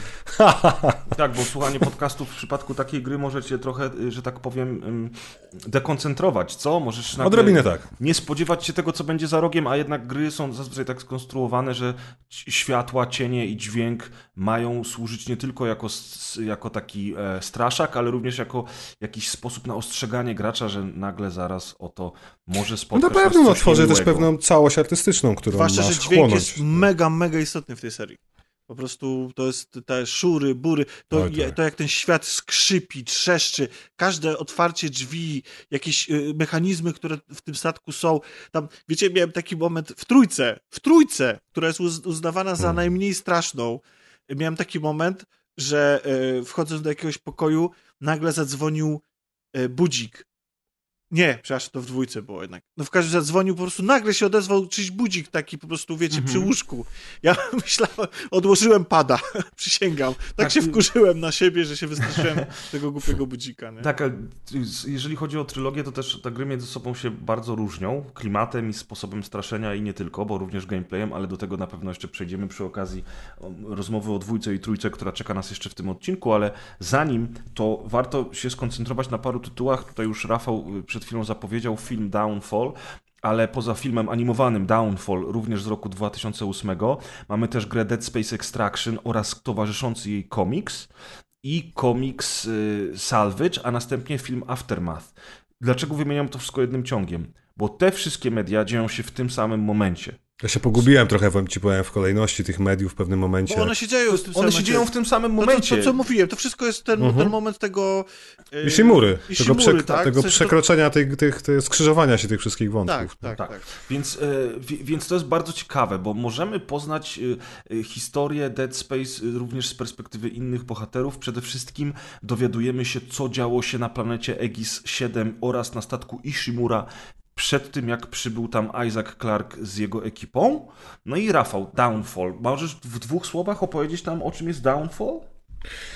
Powiem Ci szczerze, że ja widziałem go tylko raz i to chyba trochę, bo to była chwilę po premierze bodajże jedynki gry, prawda? Nie jakoś równocześnie. Tak, to, jest, to jest ten sam rok, ale chwilę później rzeczywiście chwilę później. się to pojawiło.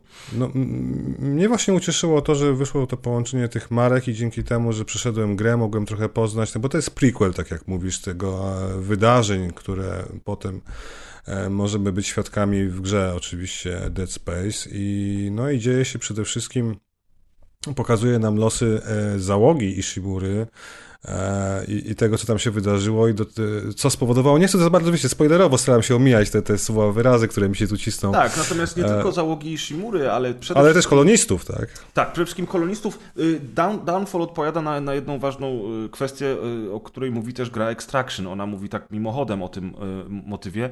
Poruszony jest również tutaj. A mianowicie, e, marker zostaje wydobyty na planecie i on mhm. na tej planecie się znajduje. Tam, tam ludzie zaczynają szaleć, zaczynają umierać, pojawiają się pierwsze nekromorfy. Więc jakim cudem, kiedy Isaac Clarke dociera na Ishimurę, to dowiaduje się, że Ishimura również jest już opętana przez nekromorfy. No i właśnie zarówno Extraction, jak i Downfall o tym trochę mówi. Więc obserwujemy to, co się dzieje z ludźmi na, e, w kolonii na planecie, ale również jak infekcja przenosi się na Ishimurę i co zaczyna dziać się na Ishimurze. I to jest w zasadzie wszystko, co musicie wiedzieć na temat tego filmu. Pięknie to podsumowałeś. No. To, jest, to, jest dobry, to jest dobry film anime y, z niesamowitym klimatem, i fajnie narysowany. Ja fajnie narysowany tak. i przede wszystkim bardzo, bardzo brutalny. No ale o. nic w tym dziwnego, gra też była brutalna. No i to jest Downfall, więc koniecznie po przejściu jedynki sięgnijcie po ten tytuł. Ja wiem, że on jest w tej chwili za darmo dostępny na YouTube, natomiast dawno, dawno temu był wydany na DVD. Ja nie wiem, czy on kiedyś dostał wersję Blu-ray, czy nie. Nie. E, nie sprawdzałem, czy można go na jakimś VOD obejrzeć, ale jest on w pełni... Jest, można, można kupić na Amazonie takie wydanie zbiorcze, które zawiera dwa filmy, czyli Downfall proszę. i drugi to był... Aftermath. Aftermath, Aftermath. tak. Tak jest. I Ale ten Aftermath to przejdziemy, nie? Tak Do jest. tego Aftermath potem. To jeszcze, Tak, bo on jest, tak, on jest specyficzny, a swoją drogą Aftermath ja wypożyczyłem e, ze swojej wypożyczalni w małym mieście. O, 30 to były czasy jeszcze, jak można Tak, było tak. wypożyczać, tak, Tak. fizycznie, nie U U mnie już cyfrowo. zostały tylko, wiecie, te Hollywood i Beverly Hillsy, to już były te czasy schyłkowe chyba. Ale nie chciałbym też y, pominąć książek, bo... Tak. Właśnie, ja ci powiem, Wyszły że dwie. ja książek w ogóle nie znam, więc chętnie posłucham. E, To Tomek, jak coś, to powiedz o Znaczy książce. tak, to są... To są y, y, Martyr y, szczególnie jest godna uwagi, bo ona opowiada o samych, samych o początkach, o pierwszym odkryciu markera na Ziemi. O Pierwszy- właśnie, to może tylko w dwóch zdaniach. Po odkryciu markera pewien naukowiec zorientował się, Altman. Altman zorientował się, że to jest relikt kosmiczny, prawdopodobnie należący do innej cywilizacji. E, a ponieważ rząd ziemski nie bardzo chciał, żeby informować o tym publicznie, to Altman został zamordowany i w ten sposób stał się pierwszym męczennikiem, czyli właśnie tym martyrem e, i na podstawie To jego jest wersja odkrycia, kościoła. tak, jego, jego odkrycia, jego osoby powstała religia unitologii, nie mylić ze scjentologią. Aczkolwiek... Chociaż- o to chodzi. Aczkolwiek, tak jest. I właśnie ci unitolodzy od 200 lat stworzyli sobie wokół, e, wokół tego markera taką religię bardziej będącą sektą niż religią. E, O tym właśnie- przede wszystkim jest druga część gry. Tak, znaczy ja się z tym nie zgodzę, to co powiedziałeś, to jest właśnie super w tej, w tej... Przepraszam, że ci znowu przeszkadzam i to jeszcze neguję. No dobrze, no przeczytałeś jest- książkę, opowiadaj. Nie, czy to, to, to chodzi o to, że to po pierwsze te wydarzenia, które opisałeś, nie wiem, czy już gadamy ze spoilerami, czy nie. Tak, gadamy ze spoilerami. Okej, no to, no to jakby to jest, to jest nieprawda. To co, to, co ko- Kościół głosi, bo Altman wcale nie był początkiem tej religii, tylko został wykorzystany przez nich jako, y, jako, jako taki męczennik. Ale tak no tak, naprawdę, tak, tak, ja ale powiedziałem tak, to. Tak, tak, ale chodzi o to, że, że to nie tak, że rząd go zabił. E, I, i to jest. I Altman wiedział doskonale, że, y, czym jest marker, że to nie jest nic dobrego. I chciał się po prostu, jakby chciał to, to ukryć, nie? W sensie chciał. Natomiast już byli zarażeni ideą y, właśnie wiary w nie wiadomo co y, związanego z, z tym markerem ludzie i to oni, do, do, jakby to oni później założyli ten, y, ten kościół i ten kościół nijak nie przypomina sekty właśnie, to znaczy on, on tak naprawdę, zwłaszcza w drugiej części widzimy, to jest gigantyczna organizacja, to jest organizacja, która ma swoich ludzi y, w rządzie Tak jak światowym, scjentologia. tak, ma, ma organiz- to jest tak, tylko że wiesz, no Scjentologia nie ma gigantycznych kościołów. No Rozumiem. nie ma, Trochę jak no, Kościół ale, katolicki. Ale jednak ma kościoły, wiesz. I chodzi No o to, tak, że... ale chodzi o to, że ta jest, ta jest bardzo powszechna. To jakby nie, to nie jest tak, że tylko bogaci ludzie tam mogą należeć i tak dalej. Mhm, E, To jest raz, że ona jest, e, jest mnóstwo ludzi w, mm, w, w rządzie, ale też i są ludzie w korporacjach, i dlatego ona ma też pieniądze, ma poparcie, ma pieniądze na PR i to, co jest super właśnie w animacjach pokazane, że ten, że to nie jest tak, że to są fanatycy, znaczy są fanatycy, ale to są ci wys- na wysokiej hierarchii, to są ludzie, którzy wiedzą, do czego to wszystko prowadzi i oni tego pragną, o dziwo, Tylko, natomiast... że oni nie wiedzą, czym jest convergence. Oni Nie, tak no naprawdę nie nie- wiedzą tego. Dla, sci- y, scjentologia chciałem powiedzieć. Unitologia wierzy w to, że markery y, pozwolą wszystkim wiernym po śmierci e, stać się jednością. Czyli, czyli ludzie, zwykli ludzie, którzy dołączają do tego, do tego kościoła, e, jakby wierzą po prostu w jakieś niebo, które czeka wszystkich po śmierci. No bo tak naprawdę w najprostszym tłumaczeniu to tak na tym polega unitologia, że, że, że wierni po śmierci będą połączeni. Natomiast w praktyce chodzi o to, że marker ożywia trupy. Ale, No to tak. ale prawdę mówiąc, to nie ma, w- nie ma w tym, co mówią, żadnego kłamstwa, bo faktycznie... No nie ma, natomiast wszyscy czekają, wszyscy czekają na Convergence. Czym jest Tak. Convergence, dowiadujemy Ale- się dopiero pod koniec trójki i jakby oni sami nie wiedzą, że tak naprawdę to, czego oni chcą, to jest koniec świata. To nieprawda, apokalipsa. właśnie dlatego, że właśnie ci, oni są pewni świadomi i nawet niektórzy z wysoko postawionych y, tych, y, nie wiem, no, członków tego kościoła świadomie się oddają. Mało tego, oni jako organizacja planują te outbreaki. W sensie są outbreaki, które się wymknęły spod kontroli, jak no właśnie na Aegis 7 i, i Shimurze, ale już na przykład, i o, o czym też y, mówią y, inne media, y, w dwójce outbreak na stacji, ten, nie wiem jak ona się nazywa. Sprawl. Spral. Spral. Mhm jest centralnie świadomą działalnością y, Kościoła. Tak, Więc to nie dlatego, jest tak. że, że to... Kościół y, zmusza Clarka do tego, żeby odtworzył marker, który zniszczył na końcu pierwszej części. Tak, gry. ale w ogóle sam fakt, y, dlaczego doszło do tego outbreaku, to poznajemy to w w, w grze, która, uwaga, już nigdy nie jesteśmy, nie będziemy w stanie w nią zagrać, bo jebać gry, gry, po prostu, które mają tylko dystrybucję cyfrową, ponieważ była to gra wydana na mobilki, E, w sensie na, na, na, telefony, tablety i tak dalej, która była wybitna, bo nawet dostawała nagrody gry roku. E, I to był pełnoprawny Dead Space. W żaden sposób on nie był y, uproszczony, nie wiem, do jakiejś, tak jak obecnie gry są, wykorzystują asety i markę i po prostu a to, to są samogrające się gry, w których, nie wiem, po prostu chodzi o to, żebyśmy kupowali kolejne paczki do tego, żeby nasze, e, wyrabiali jakieś dzienne normy. To był to normalnie Dead Space przeniesiony w tak, z takim samym sterowaniem z, z zapleców trójwymiarowy i on opowiadał o historii, historii postaci, która się nazywa Vandal, na końcu się okazywało, że to jest tam jakaś kobieta, nie pamiętam niestety jej nazwiska i to jest, y, to, to jest historia, która opowiadała o dokładnie o tym, dlaczego, jak Kościół doprowadził do tego odbreaku na stacji w dwójce. No proszę. I to jest, i, y, i gra zniknęła w 2016 roku ze sklepów. I już jej nie można kupić. Nie można. Bo jeszcze w przypadku na przykład Deus Exa, to oni wydali na PC ta grę. Tak. To się nazywa Deus Ex Default. To też była taka właśnie mobilna. Mhm. I to jeszcze, to jeszcze jest jakaś szansa, ja taką miałem szansę, żeby w nią zagrać, nie? Bo tak nie było na iOSa też nie wyszło? Było. Tak, to było, tylko mhm. właśnie chodzi o to, że okay. zniknęło, ale, A, i ale jest właśnie wersja PC-towa. Okay, okay, A w przypadku y, Dead Space'a po prostu tego nie ma. Można tam podobno na jakiś, na piracie, tak? Znaleźć pirata i na Androidzie sobie w to pograć, ale, ale zasadniczo y, legalnie to jest, to jest niedostępne. I, i, i to też, więc y, plus właśnie to, co chciałem powiedzieć w tych animacjach, Downfall i tak dalej, tam widzimy też wiernych tego najniższego szczebla, po prostu ludzi, którzy, dla których ta religia, jak każda inna, jest jakąś formą pocieszenia w tych naprawdę chujowych czasach. Oni tam jakby wierzą, ona im daje coś, tak? W sensie czują się wyjątkowi. Nadzieję. E, nadzieję też daje i tak dalej. I oni się zachowują jak normalnie wierni, chcą mieć dostęp do swojej relik e, relikwii, czyli tego markera, który znajduje, e, który został, to jest czerwony marker ten na planecie Aegis.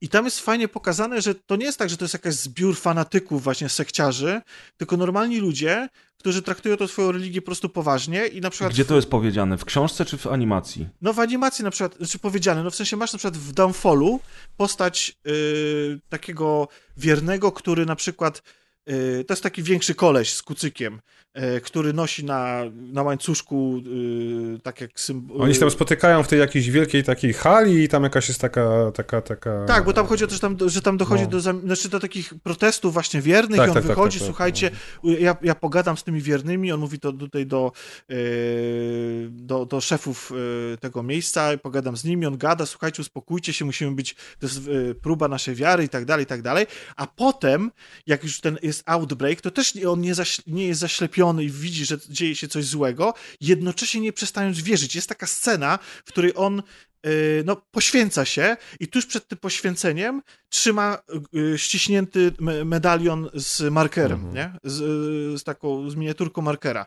Czyli dla niego to była religia, on nie przestał wierzyć, jedno, więc nie był, trudno go nazwać fanatykiem po prostu, no jakby... A poczekaj, a, a, a, mógłbyś wrócić na chwilę do tej książki, bo ten martyr to polecasz generalnie, czy czytałeś to, czy, czy tylko tak mniej więcej Miliard, o czym ty... Czy znaczy to jest... Y no to jest historia, wiecie, to, uwa- znaczy tak, to jest książka na pewno lepsza niż, do, niż nie wiem, y, ale ja, przepraszam, nie, jest, nie, mogę być, nie jestem w stanie być obiektywny, bo ja niestety mam okay. bardzo dużo słabość do takich książek. W sensie, jak kocham Gears of War, to wszystkie książki o Gears of War mi się podobają. No właśnie, a, a ja odwrotnie, wiesz co, mam wrażenie, że są takie trochę produkty marketingu podobne, które tak jak reszta mediów muszą się spieniężyć, przynieść kasę, wiesz, właścicielowi IP.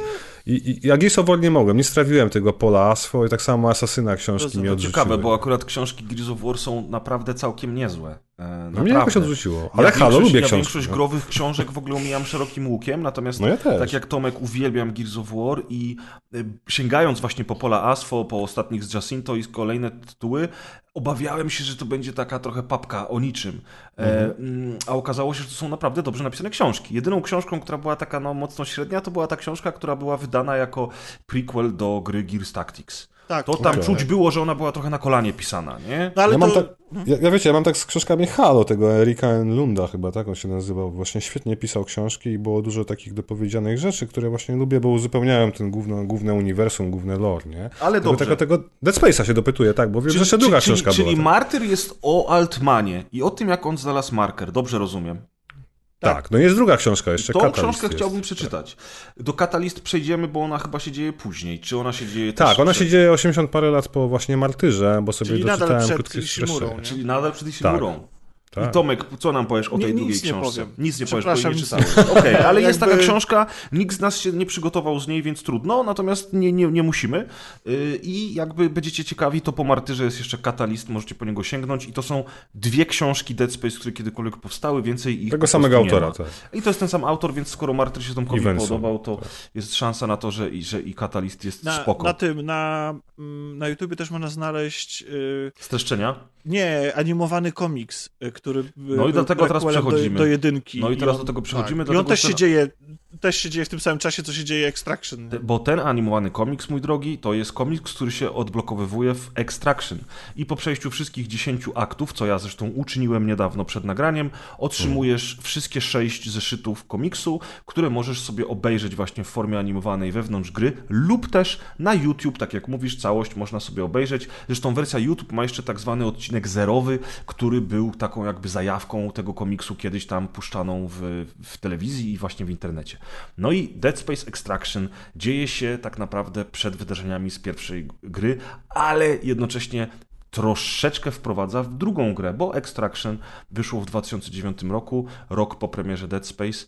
E, obserwujemy wydarzenia z perspektywy czterech różnych grywalnych postaci. Całość jest celowniczkiem, ale uwaga, to nie jest House of the Dead, ani nawet Virtua Cop, tylko to jest e, celowniczek, który bardzo, bardzo, bardzo mocno mm, stara się opowiedzieć ciekawą historię, więc właśnie z perspektywy tych czterech grywalnych postaci obserwujemy wydarzenia najpierw na Aegis 7, a następnie na Ishimurze, gdzie trafiamy E, i to jest bardzo dobra gra. Yep. Ja, się, ja się bawiłem z nią świetnie.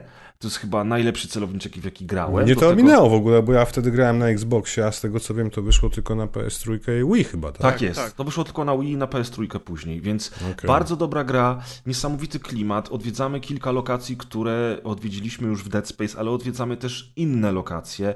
E, Ciekawa fabuła, e, bardzo fajne wykorzystanie broni z Dead Space'a w, w grze będącej celowniczkiem. Naprawdę, tak jak mówiłem, zresztą niektóre z tych broni dopiero zrozumiałem grając właśnie w Extraction. I przede wszystkim to, co jest najważniejsze w tej grze, ja nie wiem, czy to jest potem, potem czy to jest dalej rozwijane, czy to tylko było na potrzeby Extraction wymyślone, ale w Extraction dowiadujemy się, że po odkryciu markera na Aegis 7 unitolodzy wysyłają na Ishimurę kilku takich oficerów, czy też postawionych y, wyżej rangą pracowników CEC, tej firmy, która zajmuje się wydobyciem y, właśnie wszelkich materiałów z planet, którzy są tak naprawdę szpiegami unitologów i oni próbują za wszelką cenę położyć łapska na markerze. I nagle się okazuje, że ci ludzie, którzy są odpowiedzialni za tą katastrofę, między innymi kapitan statku, Tak, to, są, kapitan, to tak. są ludzie, którzy Mhm. są podstawieni przez unitologów. No więc widzisz, dlatego właśnie jakby porównywanie tego do sekty jest... Yy, wiesz, no to może, wiesz, ja, ja miałem najbardziej na myśli to, że jednak w drugiej części gry dowiadujemy się o tym, że nowych członków tej religii się indoktrynuje w bardzo, że tak powiem, łopatologiczny sposób. Ale też, ale jak, jak zaczynają, to hej, po, po, pozwolimy ci rozwinąć twoje umiejętności, przyjść Tak. do nas. Ich się ocenia, bezpiecznie, sprawdza się tak. ich pod kątem chociażby naiwności. To jest jeden z punktów, który jest rozpatrywany u nowego członka y, unitologii. Następnie sadza się ich przed komputerami, gdzie wyświetla im się indo- in- indoktrynujące materiały. Wiesz, to jest jednak trochę sekta. Natomiast nieważne. W Extraction jest też jeszcze bardzo ważna rzecz. Jest bohaterka, która w sumie jest centralną postacią całej opowieści, e, w którą nie wcielamy się w grze, ale będziemy pom- pomagać jej uciec z, Ishimury, e, razem, kiedy my oczywiście też chcemy z tej Ishimury uciec. I okazuje się, że ona jest jedyną osobą na statku, która jest odporna na działanie markera, przez co ona nie, nie, do, nie, nie, ona nie, nie traci zmysłów, ona nie widzi żadnych wizji, nie słyszy żadnych głosów i unitolodzy o tym wiedzą i za wszelką cenę próbują położyć też na niej łapska, bo chcą zbadać to, dlaczego ona jest odporna. Więc to są bardzo dwie ważne kwestie, które poruszone są w tej grze. No i tak jak już powiedzieliśmy, po przejściu Extraction odblokowujemy wszystkie sześć zeszytów komiksu, to, łącznie to się ponad godzinę ogląda, więc mamy jeszcze tam kawał porządnej historii w formie komiksu, który jest zaimplementowany do gry, także... Ma bardzo ciekawy styl ten komiks, nie? Tak. Taki jest, jest, jest, bardzo y, brudny taki. I jest udźwiękowiony przede wszystkim. Tak. Oglądamy ten komiks i słuchamy normalnie kwestii, które są wypowiadane przez aktorów. Ja jeszcze tak. chciałbym do Extraction mhm. tylko dwa słowa. Jasne. Po pierwsze spotykamy tam żywą Nicole. Tak jest. A to jest super, y, bo o. jak wiemy, Nicole nie żyje. To jest... Tak, bo oni spoilowali końcu. No tak. Końcówkę. Tak, co zresztą zaspoilował. Gra sama spoiluje, jedynka, jeśli nie wiem, hmm. czy wiecie. Bo pierwsze litery... Po nazwach rozdziału. No tak, tak, tak, tak, tak. No w każdym razie Nicole nie żyje, więc tam, ale poznajemy ją żywo, to jest super. A po drugie, ta bohaterka, której imienia niestety nie pomnę, to ta, o której mówiłeś, ta, która jest mhm. odporna. Ona jest, y, później w DLC do dwójki dowiadujemy się, że ona jest y, jakby częścią programu y, Oracle, nie? czy tak jakby wyroczni i nie mamy zielonego pojęcia, co to znaczy. I jak się kończy DLC dwójki, to, to ona ucieka i moim zdaniem, to, to ten wątek w ogóle jest urwany kompletnie. I moim zdaniem to, czy ona powinna powrócić w czwórce, nie? No tak, tylko że czwórki nie Więc, ma. Yy, co ty piszesz mi tutaj? Jakieś straszne dźwięki słyszę. Ja nic nie piszę. Yy, no, więc yy, nie, bo słyszałem Może stukanie... Mar marker na ciebie działa po prostu, Może wiesz? marker, tak, właśnie. I, I, tak, i ona więc, bo, no ale to do, do, tego potencjalnej czwórki to sobie przejdziemy, ale generalnie Oczywiście. moim zdaniem właśnie ten, ten motyw z nią i całym tym Oracle program pewnie by się pojawił w czwórce. Tak. Bo, tak, bo to jest jedyna rzecz, która jest po prostu tak urwana, znaczy nie jedyna, jest jedna z dwóch, które są urwane i nie, niedopowiedziane w całej serii. Mhm. No i właśnie wielka szkoda, bo, bo, bo ja bym chciał dowiedzieć się trochę więcej na ten temat, jak słyszycie, nie tylko ja, Tomek również. W kolejną rzeczą już, która dzieje się już po grze Dead Space, bo na razie mówiliśmy o filmie Downfall i o, o, o grze Extraction oraz o komiksie Extraction, które dzieją się przed jedynką, następnie mamy grę Dead Space, a w 2010 roku e, wyszedł komiks e, Dead Space Salvage i opowiada on w sumie to, o czym Tomku już mówiłeś, o Ishimurze. Dlatego, że mamy tutaj grupę ludzi, którzy próbują nielegalnie zdobywać surowce w pobliżu Aegis 7 i e, nie wiedzą o tym, że dzieje się coś strasznego, otrzymują tylko jakieś komunikaty, ale, ale nie mają pojęcia, co tak naprawdę się dzieje i nagle przez przypadek z, tych, e, z tej otchłani kosmosu wydobywają tę Ishimurę i no, przechodzą na jej pokład. Wszyscy wiemy, że to błąd, mm, bo chcą sprawdzić, co się dzieje i czy mogą ten statek rozłożyć na części pierwsze, żeby go sprzedać. To jest w sumie jedna z tych historii, bez których moglibyśmy się bez problemu obejść bo tak naprawdę to po prostu obserwujemy grupę e, nielegalnych górników, którzy będą próbowali zarobić jakieś pieniądze, ale ponieważ Ishimura jest poszukiwana przez e, nie tylko przez unitologów, ale też przez ten, e, przez ten rząd ziemski, to tajni agenci ziemskiego rządu będą próbowali statek przechwycić. No i oczywiście wszyscy spotkają się na pokładzie Ishimury. I tyle. Y, potem wiemy tyle tylko, że tą Ishimurę rzeczywiście ktoś odzyskał, no bo ona pojawia się w grze Dead Space 2, gdzie zresztą przez chwilę możemy y, statek ponownie zwiedzić. Salvage nie jest jakimś wybitnym komiksem. Ja mam z nim problem, bo ja nie lubię tego typu kreski, ja nie lubię tego, tych zabiegów, gdzie y, autor bierze prawdziwe zdjęcia, tak, prawdziwych twarzy. To, tak to wygląda tak bardzo realistycznie, nie? Tak, on bierze prawdziwe ja też, zdjęcia też mi się to nie podoba. omalowuje je dookoła swoimi rysunkami. Wszystko jest takie chaotyczne. Tak naprawdę jesteśmy w stanie zorientować się, co się dzieje w komiksie tylko i wyłącznie dzięki temu, co czytamy. Bo patrząc na te obrazki, to niewiele możemy wywnioskować. No, czy no to wiesz, to taki podobny styl jest tego, tego pierwszego komiksu, który się dzieje przed, y, tylko że tam, znaczy nie podobny styl, tylko podobny chaos tam się dzieje, bo tam też jest po prostu niesamowicie ale brutalnie, więc, ale się zgadzam, jakby te takie realistyczne twarze zawsze mnie bolały. No i tam mnie bolało czytanie tego komiksu, bo jeden z tych agentów specjalnych ziemskiego rządu to jest po prostu Władimir Putin. Nie wiem, kto wpadł na pomysł, żeby wziąć ryj Putina i zrobić z niego postać w tym komiksie.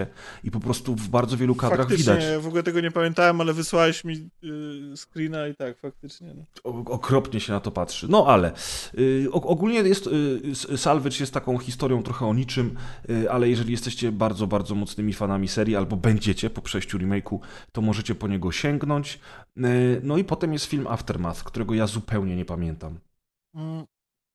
On y, zdaje się, bo on, wydaje mi się, że to jest taka historia, która łączy kilka też stylów graficznych, w ogóle, że tam jest kilka takich epizodów i, i ten, y, Też mi się wydaje, że to było takie trochę odcinkowe, coś na zasadzie Animatrixa, ale ręki nie dam sobie uciąć. tak, i y, kurde, i teraz wiesz co, tych mediów tyle powstało, przyznam szczerze, że nie zdążyłem się ze wszystkiego przygotować, przypomnieć sobie. No trudno, żebyś zdążył wszystko połknąć naraz, Yy, jesteśmy jednak ale ludźmi, wiem, że którzy na mają też inne rzeczy w życiu, nie? yy, Że, że jest jakaś super yy, ważna yy, postać się pojawia. Yy,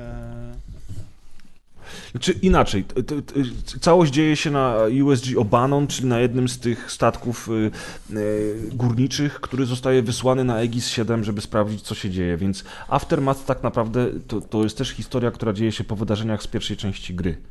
E, I mówi o tym, jak y, kolejny statek przybywa na miejsce, żeby sprawdzić, co się wydarzyło. Więc. Więc no, jakby to też jest taka opowieść, A, już która wiem, w sumie. przepraszam.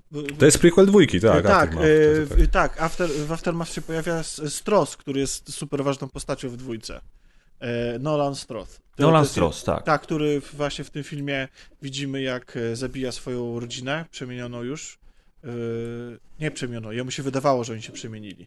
E, I dlatego później w dwójce trafia e, też e, w ręce unitologów, którzy próbują, znaczy w sensie na podstawie jego wspomnień wyrytych w mózgu obrazów odtworzyć markę razem z... Tak samo zresztą jak robię to samo co z Clarkiem, nie? A ja, jak, od strony, a jak od strony wizualnej oceniacie ten film? A to nie jest tak, że tam jest zmieniana. Yy, No on- właśnie. Bo on jest zmienia. Tam wiem, że tam jest jakiś. Ja pamiętam, że, że nagle postacie stają się w 3D i wyglądają okropnie. Tak, bo to jest pomieszanie y, normalnie Tylko animacji ręcznej z animacją 3D, która w sumie już wtedy wyglądała kiepsko, a, a Ale teraz zestarzała się ogóle, jeszcze gorzej. Tak, się zestarzała, tak. mm.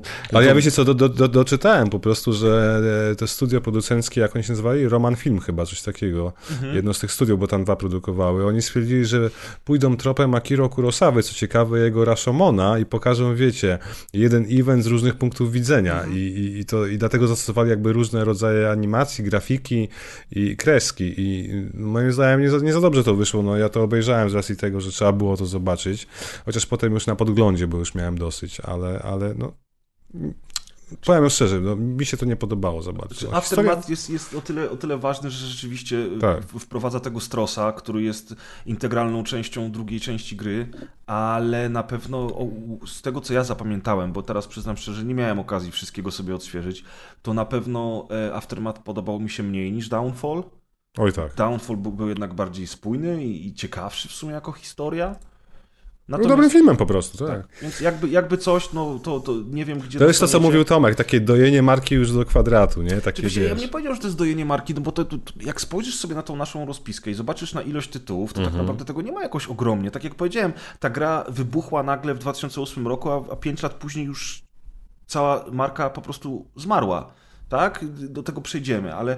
ale Mamy to- trzy gry w zasadzie i siedem różnych, wiesz, dookoła mediów. to Tak, tak. no. no więc Sporawo. Więc jest ten Aftermath, a następnie jest taka gra, którą też możecie ograć w Game Passie, a w którą ja nigdy nie grałem. Tomek, Ja mi, też nie grałem. Tomek mi odradził, powiedział, że nie ma sensu, więc, o, To więc nie olałem Okej. ten tytuł. Nazywa się Dead Space Ignition. Tomek, chyba grałeś, prawda? Znaczy, y, wy- to, to jest taka gra, którą można sobie obejrzeć na YouTubie. Znaczy, w sensie, tam są po prostu historie sobie poznać, a y, y, ta mechanika to jest po prostu jakieś zagadki logiczne związane z, y, o ile pamiętam... Hakowaniem nic, chyba. nic nie mylę. Tak, hakowaniem drzwi, bo to główny bohater jest inżynierem, który ma za zadanie tam naprawić drzwi, bo te drzwi się tam zacięły czy coś. Oczywiście one się zacięły, bo o ile też znowu niczego nie mylę, proszę, proszę mnie nie, e, na mnie nie krzyczeć.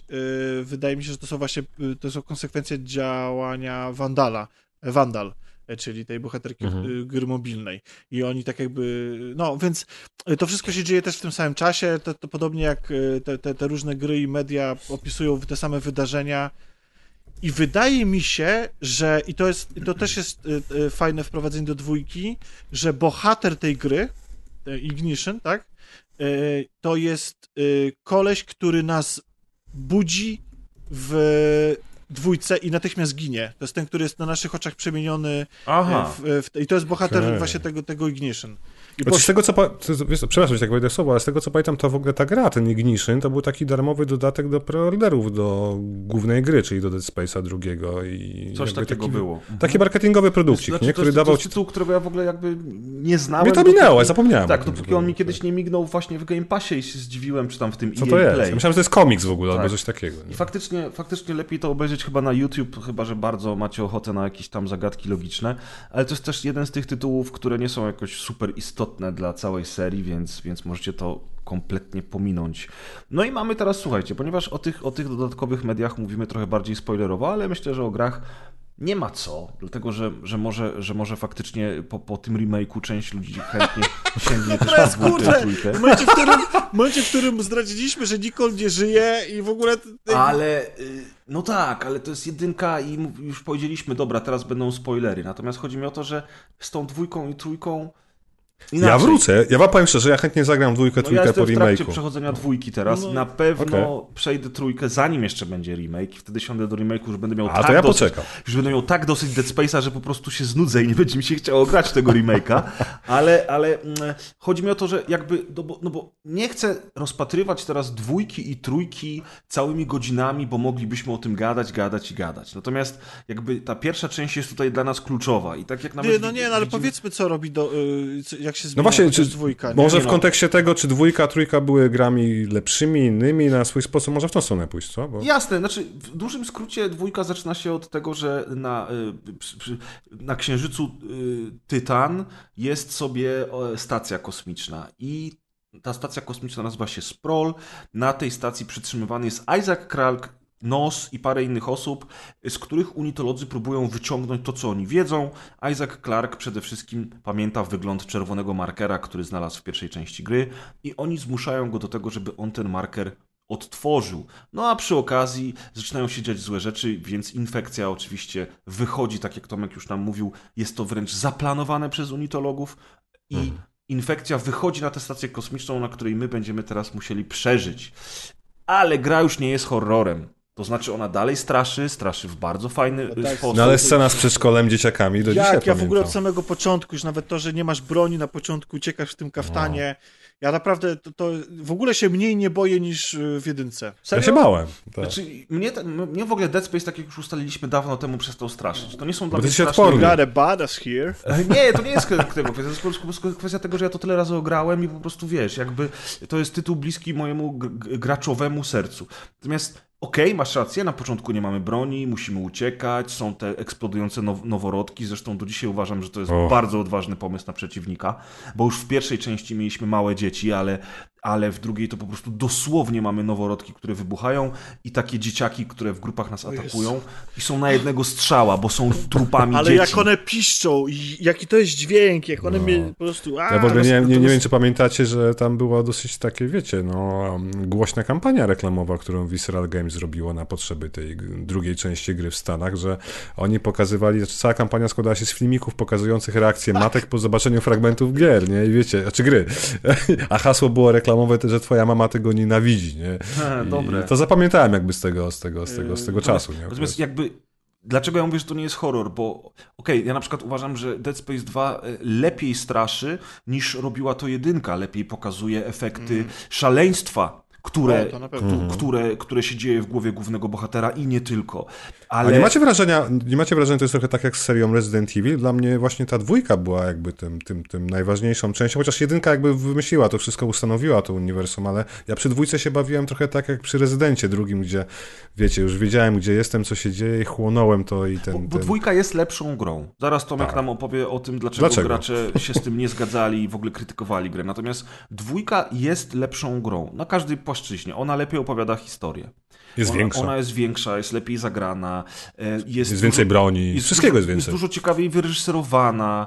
E, To otoczenie bardzo często się zmienia. My tam pędzimy w dwójce. O ile w jedynce e, tempo gry było dosyć powolne, bardzo często chodziliśmy po jednej lokacji w tej nazad, żeby coś włączyć, przynieść, wrócić i potem dopiero wsiadaliśmy w ten pociąg i jechaliśmy do kolejnego, do kolejnego fragmentu statku. O tyle w dwójce my pędzimy cały czas do przodu, przez co bardzo dużo rzeczy się wokół nas zmienia. Jest tutaj dużo więcej sekwencji takich akcji, gdzie gdzie przeciwników jest więcej, ale my jesteśmy szybsi, mamy szybciej strzelającą broń, używamy często otoczenia do tego, żeby tych przeciwników pokonywać. Są całe sekwencje reżyserowane, jak chociażby atakujący nas śmigłowiec, czy jakiś potwór, katastrofa pociągu i momentami mam wrażenie, że oglądam y, y, fragment kosmicznego Uncharted, a nie gram w horror. Ale to nie jest nic złego, absolutnie, wręcz przeciwnie, mi się to podoba. Podoba mi się, że Dead Space mimo te, 2, mimo tego, że jest bezpośrednim sequelem jedynki, to jednak jest inną grą. I dzięki temu jakby oba, oba tytuły koegzystują obok siebie, nie zlewając się w jedną całość. Prawda. No, Tomku, yy, to powiedz nam teraz, dlaczego graczom się yy, tak naprawdę dwójka nie podobała tak bardzo? Najgorsi to są fani czegokolwiek. No tak, dobra. Dokładnie. Znaczy, bo ludzie by chcieli dokładnie tego samego, co już jedli. I Dokładnie. Ja jestem w stanie to zrozumieć, a z drugiej strony to jest niemożliwe. To jest po prostu niemożliwe. Z prostej przyczyny. Wszystko musi rosnąć. Jeżeli pierwszy, pierwsza część się okazała gigantycznym sukcesem i Electronic Arts zainwestowało kupę kasy i umówmy się, to ja powiedziałem, że to jest dojenie marki, bo faktycznie w Excelach pewnie tak to wyglądało, ale my dostaliśmy naprawdę dobre produkty. To też i ta Okej. gra musiała trafić do większej ilości graczy i musiała też urosnąć. Musiała być, jak to mówił Cl- Cliff Beszyński, bigger, better, more badass. I taka właśnie jest. I jakby jedynka to jest jedynka, dwójka to jest dwójka, tak jak w przypadku Residenta. I tak samo jak ludzie na przykład narzekali na Residenta czwartego, że to już nie jest to samo. Albo na. Nemezisa, nie? E, tak, ale no. Ale właśnie, ale nie chodzi mi o to, że w Resident 4 zmienił całkowicie w ogóle jeszcze tam jakby gry to już inną sprawą, y, ale że, że zmienił y, gatunek i tak dalej, stał się bardziej gro akcji.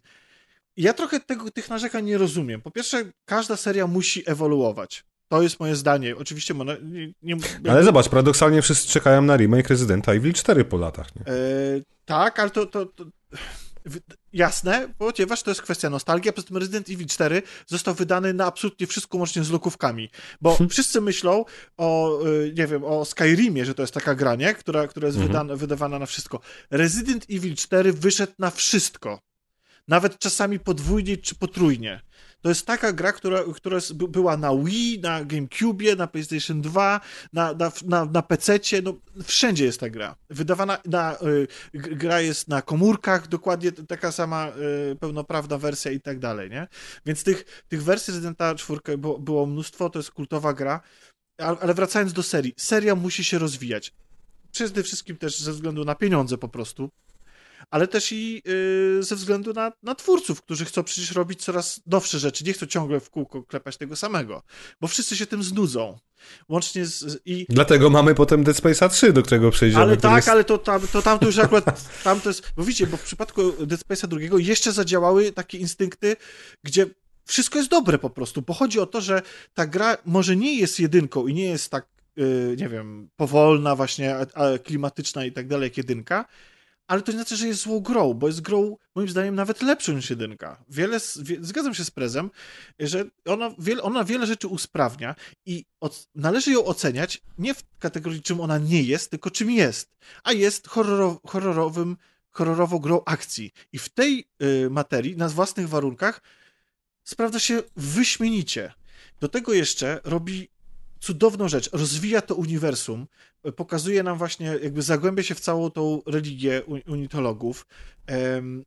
Widzimy zupełnie, jakby widzimy, jak, jak, jak wygląda życie na stacjach kosmicznych. I jasne, ono jest bardziej kolorowe e, i tak dalej, ale to też ten zabieg jest po to, żeby żeby jakby skontrastować to z tą przemocą, krwią e, i, i śmiercią wszech, e, e, wszechotaczającą.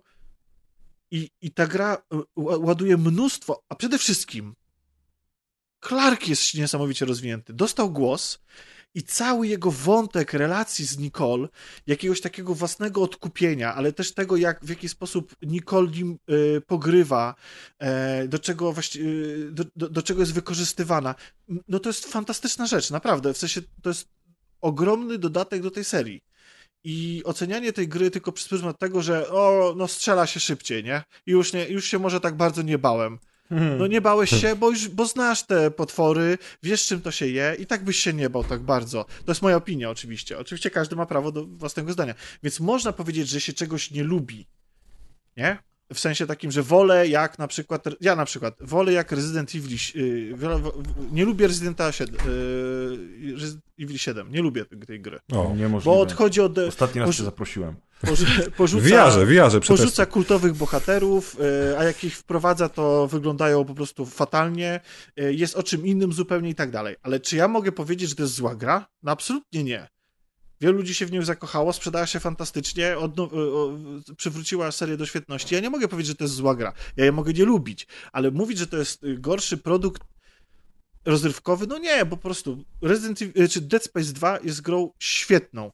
Na wielu poziomach E, rozwija to uniwersum, rozwija bohatera, wprowadza wiele nowych elementów, które są pikiem, no. I Pięknie powiedziane, no co tu więcej dodać. Sorry, przepraszam, ale po prostu bo, bo uwielbiam tą grę. Naprawdę. No, wiesz, my się z tobą zgadzamy w pełni. Ja jestem wielkim fanem dwójki, dla mnie to jest najfajniejszy tytuł, w sensie, bo o ile, tak jak mówiłem wam wcześniej, że ja się po prostu zawsze boję horrorów, tak po prostu, to w jedynkę strasznie się bałem, w zasadzie serce, z sercem na ramieniu grałem, czy jak się mówi, na dłoni, tak? A, a, a w dwójkę już na spokojnie faktycznie bardziej traktowałem to jako taki horror action flick, jak to się mówi, niż, niż jako grę stricte horrorową, no chociaż oczywiście momenty były. A, i, i uważam, że oni faktycznie pokazali dwójką, jak robić takie rzeczy, których chyba do tej pory takich dobrych horrorów filmowych, takich właśnie action flicków nie dostałem, zaryzykuję to stwierdzenie, e, bo albo dostajemy horrory, horrory per se, albo jakieś action fliki, jakby brakuje mi trochę takich rzeczy dzisiaj, swoją drogą. Nie? No Residenty to jest jedyna marka, która coś takiego no dostarcza, tak, nie? Tak, tak. No to prawda. No więc Dead Space 2 wszyscy zgodnie zgadzamy się, że jest go kochamy. rewelacyjną, kochamy. Ja naprawdę wolę chyba go od jedynki. Wiadomo, że jedynka jest, e, jest kultowa i dała podwaliny pod całe uniwersum. Tak, jednak... Zagraj koniecznie w DLC, bo tam wraca bohater i bohaterka z Extraction. Na pewno z przyjemnością zagram w DLC. Dziękuję Ci za tę podpowiedź. Wydaje mi się, że ja w ogóle w to DLC nigdy nie grałem. Ja też nie grałem chyba. Więc po przejściu dwójeczki na pewno sięgnę po DLC, a potem oczywiście y, kolejna w serii jest trójka. Do trójki już przechodzimy. Przed nią dzieje się komiks Dead Space Liberation. O, tak. Głównym bohaterem tego komiksu jest e, John Carver, czyli druga grywalna postać gry e, Dead Space 3. Ja tego komiksu jeszcze nie czytałem, chociaż mam go e, w wersji papierowej, stoi na półce i na pewno po niego sięgnę pomiędzy drugą i trzecią częścią gry, dlatego że po to on tak naprawdę powstał, jest, jest, jest takim prequelem dla trójki. Pomostem takim. Takim też pomostem łączącym, dlatego też, że poza Carverem, e, tutaj pojawia się Ellie Langford, a więc postać, którą poznajemy w Dead Space 2 i która... I Robert Norton jeszcze jest. Dead Space 3. A Robert Norton to jest też koleś z trójki, prawda? Tak, tak jest. Więc, tak. więc faktycznie ten komiks jest bardzo, bardzo mocno yy, No i jest jeszcze przecież główny 3. zły też z trójeczki też w tym komiksie. Tak jest. No tak, tak. Także, także Liberation warto sięgnąć po Liberation pomiędzy dwójką a trójką. No i przechodzimy do tej dyskusyjnej części trzeciej, części, która przez wielu jest znienawidzona. E, a dlaczego? Dlatego, że tak jak dwójka stała się bardziej grą akcji niż horrorem, jednak będąc na, nadal dosyć straszną grą, tak trójka w dużej mierze porzuca takie typowe straszenie.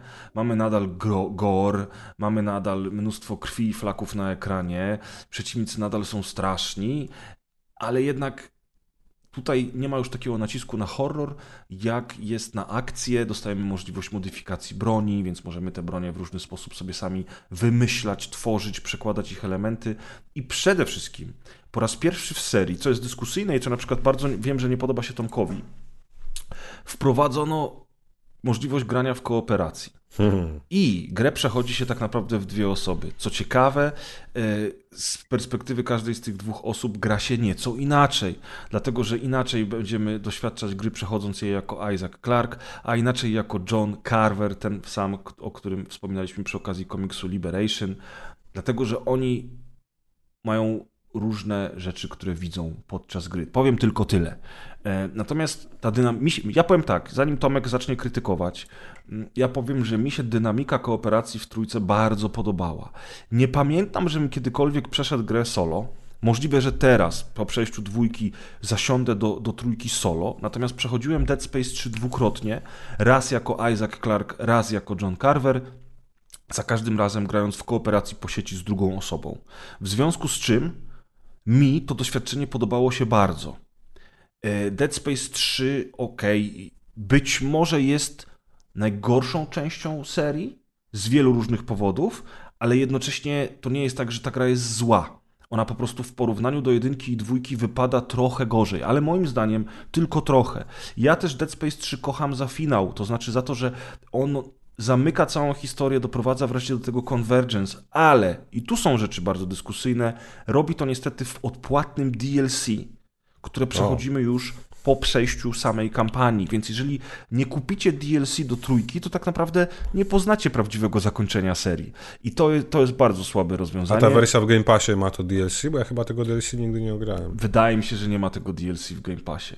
Będziesz Aha. musiał sobie je dokupić. Natomiast Ale mogę dokupić, tak? Jest aktywny przecież. Okay. Nie wiem znaczy... jak na konsoli, ja mam wersję, ja słuchaj, ja byłem takim fanem y, tej serii, że jak trójka się pojawiła, to ja natychmiast kupiłem ją w Originie, w jakiejś mhm. najbardziej wypasionej wersji, więc chyba nawet to DLC miałem od razu, a może dokupiłem je później, nie wiem, ale pamiętam... W najgorszym wypadku sobie obejrzę. W najgorszym wypadku sobie obejrzysz, tym bardziej, że, że to DLC jest krótkie. bardzo fabularne, krótkie i w sumie tam niewiele się dzieje. Okej. Okay. Ale fajnie się dzieje. Tak, dzieje po, się bardzo fajnie. fakt, że oni że jest wytłum- że, że oni przeżywają w ogóle to, co się dzieje na końcu trójki. Tak, no, to tak. Jest, to jest jakiś taki e, absurd, ale w ogóle to zakończenie, powiem ci, jest warte tego, żeby w to zagrać. Tak. Tak, jeżeli nie znasz, to nie, nie, będziemy ci psuć zabawy, ale... Nie, ale... nie grałem właśnie DLC, to mnie zdziwiło trochę. Tak, ale to DLC jest naprawdę konkretne. Ja je zapamiętałem, ja właśnie dlatego też y, trójkę tak naprawdę zapamiętałem bardzo mocno przez to DLC, bo ten finał jest, no, dosyć, dosyć odważny, powiedziałbym, prawda, Tomku?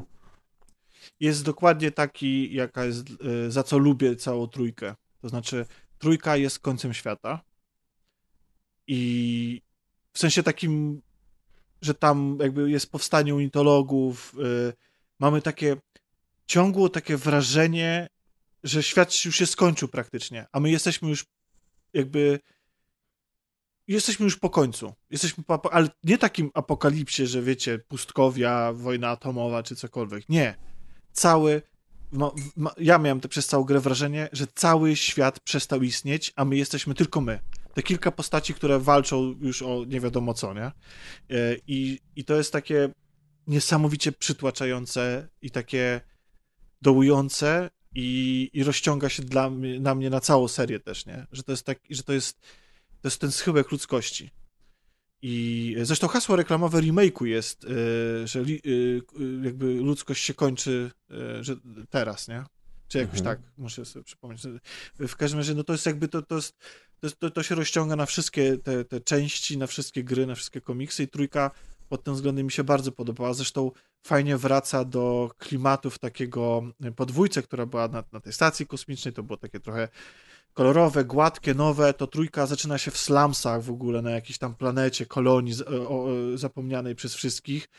I, i, I jak biegniemy przez te obskurne zniszczone, stare, zardzewiałe, obdarte przestrzenie, y, slumsy dosłownie, to no to to jest właśnie, to jest obraz ludzkości, tak, którego mi trochę brakowało w wcześniejszych grach, żeby żeby... żeby...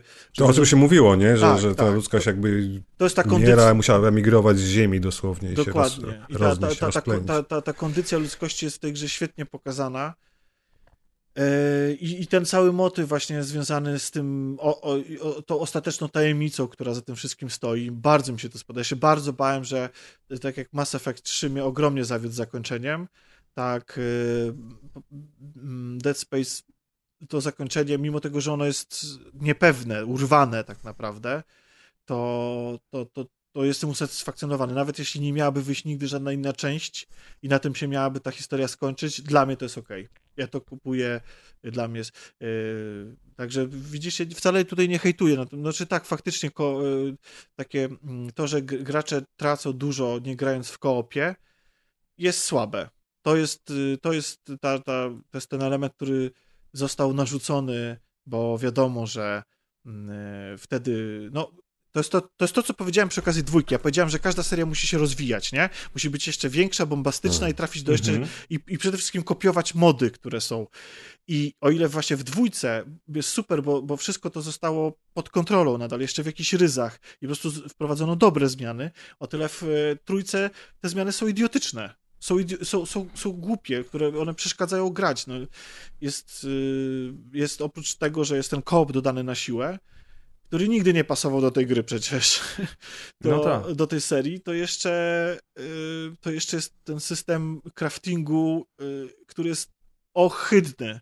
Ja teraz gram w trójkę.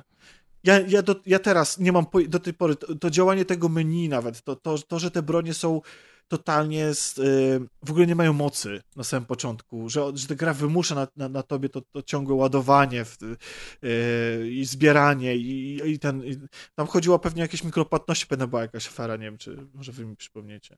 Przypomnicie. Nie, już Tam była, pamiętam. tam, były, tam była kwestia tego, że to była jedna z pierwszych gier, w których można było za pieniądze, przez Origin przynajmniej, nie wiem jak to było na konsolach, podejrzewam, że tak samo, można było kupować surowce. Te surowce, których się, które się wykorzystywało do tworzenia broni, amunicji i tak dalej. No to jest, Tam to jest były jakieś, y, wiesz, różne typowe wersje. EA, no po prostu. No i to był, to, to, był, to, to był taki motyw y, dosyć głośny i przez to ludzie też się wściekli. Oczywiście to jest jakby najmniej istotne w całej tej grze, bo nikt tego nie musiał kupować, prawda? Ale, ale o to było najwięcej dymu tak naprawdę. No i fakt... Ale, ale mi, to, mi to odbiera przyjemność z grania, ponieważ ja czuję, że te, te bronie, jak, jak sobie przeskakuję między dwójką a trójką, przeskakiwałem teraz, przygotowując się do nagrania, to po prostu jak wracałem do dwójeczki, to mm, a to też jest gra akcji, ale, ale po prostu mm, po prostu z dziką radością wchodziłem w interakcję z kolejnymi wrogami. A w trójce to się tylko modlę, żeby było ich jak najmniej, bo nie dość, że broni nie mają impaktu, to jeszcze no. tam się walczy z ludźmi. Ta, Mhm. ta, ta mechanika nigdy nie była stworzona po to, żeby walczyć z ludźmi, no. Więc yy, nie wiem, jakie ty masz wspomnienia, yy, stary graczu. Ja, no wiesz co, no, trochę przychylam się ku temu, co powiedziałaś, no bo po pierwsze tak, no nie poznałem prawdziwego zakończenia, jak się okazuje, no bo nie kupiłem nigdy DLC, więc to już jest dla mnie duży in, in minus, jeśli chodzi o Dead Space trójkę. Ale wiesz, pomimo faktu, że ona zachowuje te swoje kluczowe elementy, no bo to jest dalej Dead Space, no to jednak ta, ta rozgrywka, która została, wiecie, poddana, jakby to powiedzieć, no nie wiem, gruntownej renowacji, może być tak, e, w stronę, wiecie, bardziej akcji, e, brakuje mi tego właśnie, no ja się nie bałem już w trójce, tak naprawdę, nie? I, i nie czułem się też zaszczuty jako gracz, chociaż bo i w dwójce i w jedynce jednak, no okej, jedynka była to najbardziej straszyła, ale w dwójce czułem się troszeczkę zaszczuty. Tutaj mi tego zdecydowanie zabrakło, no i ten system craftingu był przerażający, tak jak mówisz, a nie mówię, że to jest zła gra, no bo to jest zwieńczenie trylogii, tak, może trochę formę spadkową mieli ją robiąc, może mieli trochę inny pomysł. Ta, ta, ta planeta lodowa, jak ona się nazywała? Boże, Tau Volantis? Jakoś tak. tak, no. Tau, Okej. Tau Volantis. Trochę mi to jakoś, nie wiem, Lost Planet na swój sposób przypominało taką No. starą grę z Xboxa To 360, od nie? Starą. No dobra, może wtedy nie starą, bo to było 5 lat wcześniej, czy tam e, 7 lat wcześniej, Świetna tak? Gra. Swoją drogą też trylogia, nie? Tak. Chyba w trójkę nie grałem. Więc mam wrażenie, że no mi, mi prawdziwego zakończenia zabrakło, więc ja, ja pierwsze co zrobię dzisiaj sobie odpalę chyba na filmik na YouTubie, żeby zobaczyć to, tą końcówkę, o której mówicie. Wiesz co, tam, czy warto sobie nawet obejrzeć też gameplay, bo tam jest bardzo fajny pomysł. No jako całość, tak. Y, tak, tak, tak. bo bardzo fajny pomysł jest y, y, z tymi mm, unitologami już takimi na, najbardziej odjebanymi. e, e, to, to jak oni tam wyglądają w tym DLC i co robią. Znaczy, tak, żeby nie było ci wcześniejsi, którzy świadomie prowadzą ludzkość na rzeź, to, to, to nie, że, nie żeby oni byli jacyś normalniejsi, nie? E, No ale A jest coś więcej o tych twórcach markerów, o tych... e, i to jest właśnie ta rzecz. To jest to, tak? To jest właśnie, Okej. Nie, właśnie nie. To Nie jest ma. druga rzecz, która, której gra nigdy nie wyjaśnia, czy seria. Moon Brothers chyba, tak się E, nazywali. to znaczy, to nie są, znaczy, mi jest trudno wyobrazić sobie, że oni stworzyli markery. Dlatego, Mhm. że no to są, wszyscy wiemy, czym, on, czym są, tak? Mhm. E, te księżyce i, i mi się wydaje, że cała seria miała jednak dążyć do tego, żeby odkryć prawdziwych twórców i za, jakby to, co stoi za wszystkim, nie? I twórca markerów e, i bo, bo te markery po prostu jakoś nie przystają do tego, czym są te No księżyce. w jakiś właśnie. sposób mi one się zawsze, mi to zawsze zgrzytało. Znaczy, dla mnie było satysfakcjonujące. Okej, okay, może nigdy się nie dowiemy. Trudno, po prostu, no, taki spotkał los. Sami jesteśmy sobie winni w jakiś tam sposób, e, jako w sensie ludzkość w tej grze, nie? E, a, a, a, czas, a, ale też jesteśmy ofiarami, bo wiemy, jak wszystkie te markery działają na ludzi, no ale z drugiej strony tam chciwość, bo, bo jeszcze takim ważnym elementem jest to, że te markery dawały y, energię, co też było istotne, nie? E, więc y, tak mi się wydaje, że, że, że, że to też jest istotny element w tej serii. Więc tak, no to miało być w czwórce, chyba wydaje mi się roz, y, wyjaśnione. Podobno główną bohaterką czwórki miała być yy, nie Nicole, tylko Eli. Yy, Eli. Eli, tak. Eli, ale nie ta z The Last of Us. Yy, tak, że, że, że to ona miała być główną bohaterką, co się zresztą spina z, z zakończeniem dwójki, tak? Mhm. No i ja sobie myślałem po prostu, że że ona oraz bohaterka Extraction to będą dwie postacie, które jakby no, przeżyły to, co się wydarzyło, tak, na końcu yy, DLC i, i dwójki w ogóle, tak, tych wszystkich wydarzeń i one są w stanie cokolwiek, po prostu jakby w sensie super, y, zresztą tam był taki plan, żeby, mm, nie wiem, czy pamiętacie, ale w trójce jest super motyw, który mamy coś ala półotwarty świat, czyli przeskakujemy pomiędzy wrakami statków. Mhm. Tam jest taka tak. sekwencja tak. i wokół tej, jakby wokół tego pomysłu miał być yy, skonstruowana czwóreczka, która z kolei... I teraz uwaga, jaką inną serię wam to przypomina? Zresztą w ogóle ca cały Dead Space też nosi trochę... Yy, cech charakterystycznych tej serii. Mianowicie mieliśmy uciekać przed zagrożeniem e, e, do nowych systemów i tam szukać odpowiedzi na pytania i szukać zasobów e, po to, żeby móc ewentualnie tam podjąć jakąś walkę. Mass Effect. Trójeczka, dokładnie, więc w ogóle te, te, te dwie serie są, są oparte w sumie naprawdę o tym, na, na tym samym, nie? I takim no, żniwiarze, tutaj masz tych. O, no, no jakby... tak, tak, dokładnie. Zresztą jakbyś chciał jakbyś chciał y, jeszcze porównać do innej serii, którą dzisiaj wspominaliśmy, czyli do Halo, to też by się mhm. znalazło sporo elementów wspólnych. Oj tak, Halo, Halo i Mass Effect to jest jedna i ta sama historia tak naprawdę. No i jeszcze nigdy, Dead Space się też ładnie. No właśnie nigdy Dead Space pod tym kątem nie rozpatrywałem, ale rzeczywiście jest tutaj dużo, dużo podobieństw. No ale przynajmniej dostaniemy Mass Effecta nowego i to mnie cieszy, z Normandią chyba, nie? I nie wiem co z Shepardem będzie, ale to możemy spekulować.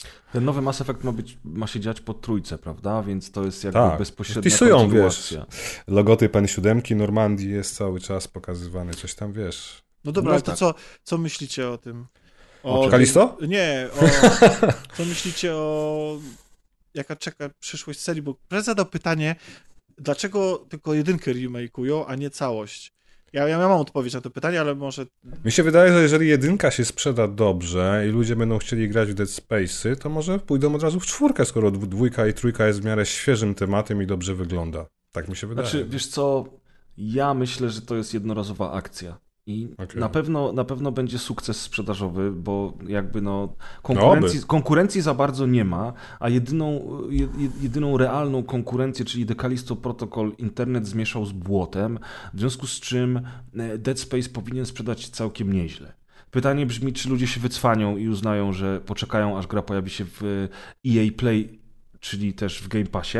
Czyli znowu nie zrealizują forecastów sprzedażowych i znowu będzie, że ludzie no kupują właśnie, gier pytanie, i koniec gier singleplayerowych. Pytanie no brzmi, czy właśnie ludzie będą na tyle cwani, że poczekają te pół roku, czy rzucą się wygłodniali tego typu tytułów i kupią za 350 zł grę premierowo. Natomiast ja bym, ja bym nie spodziewał się żadnych kontynuacji ani nie spodziewałbym się remake'ów No nie ma tych ludzi, nie ma tych ekip. No.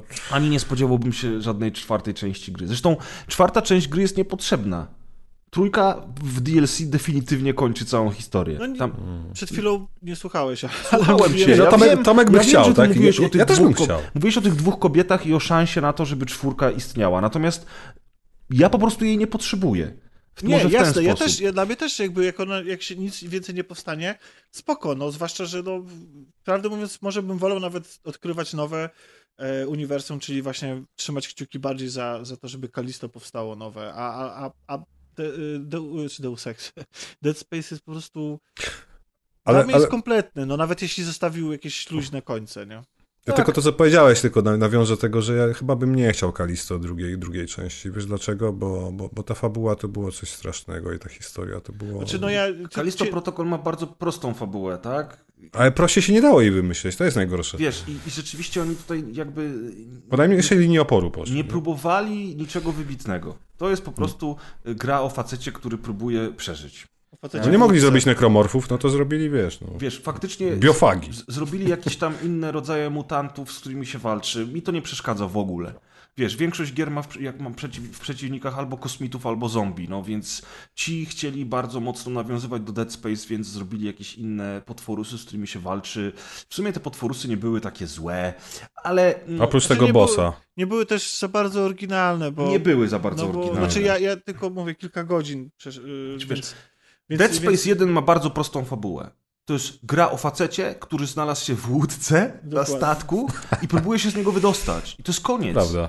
Tam są A didaskalia. potem dorobili całą jakby Tak. ideologię Znaczy, wiesz, do tego. inaczej, no może tam tak. jest cała masa didaskaliów i ty w trakcie grania, tak jak już powiedzieliśmy dzisiaj, w Dead Space dowiadujesz się o wydarzeniach przed twoim przybyciem, dowiadujesz się o tej religii, dowiadujesz się o markerach, dowiadujesz się bardzo wielu rzeczy. Natomiast sama historia Dead Space to jest koleś w łódce, który próbuje się z tej łódki wydostać.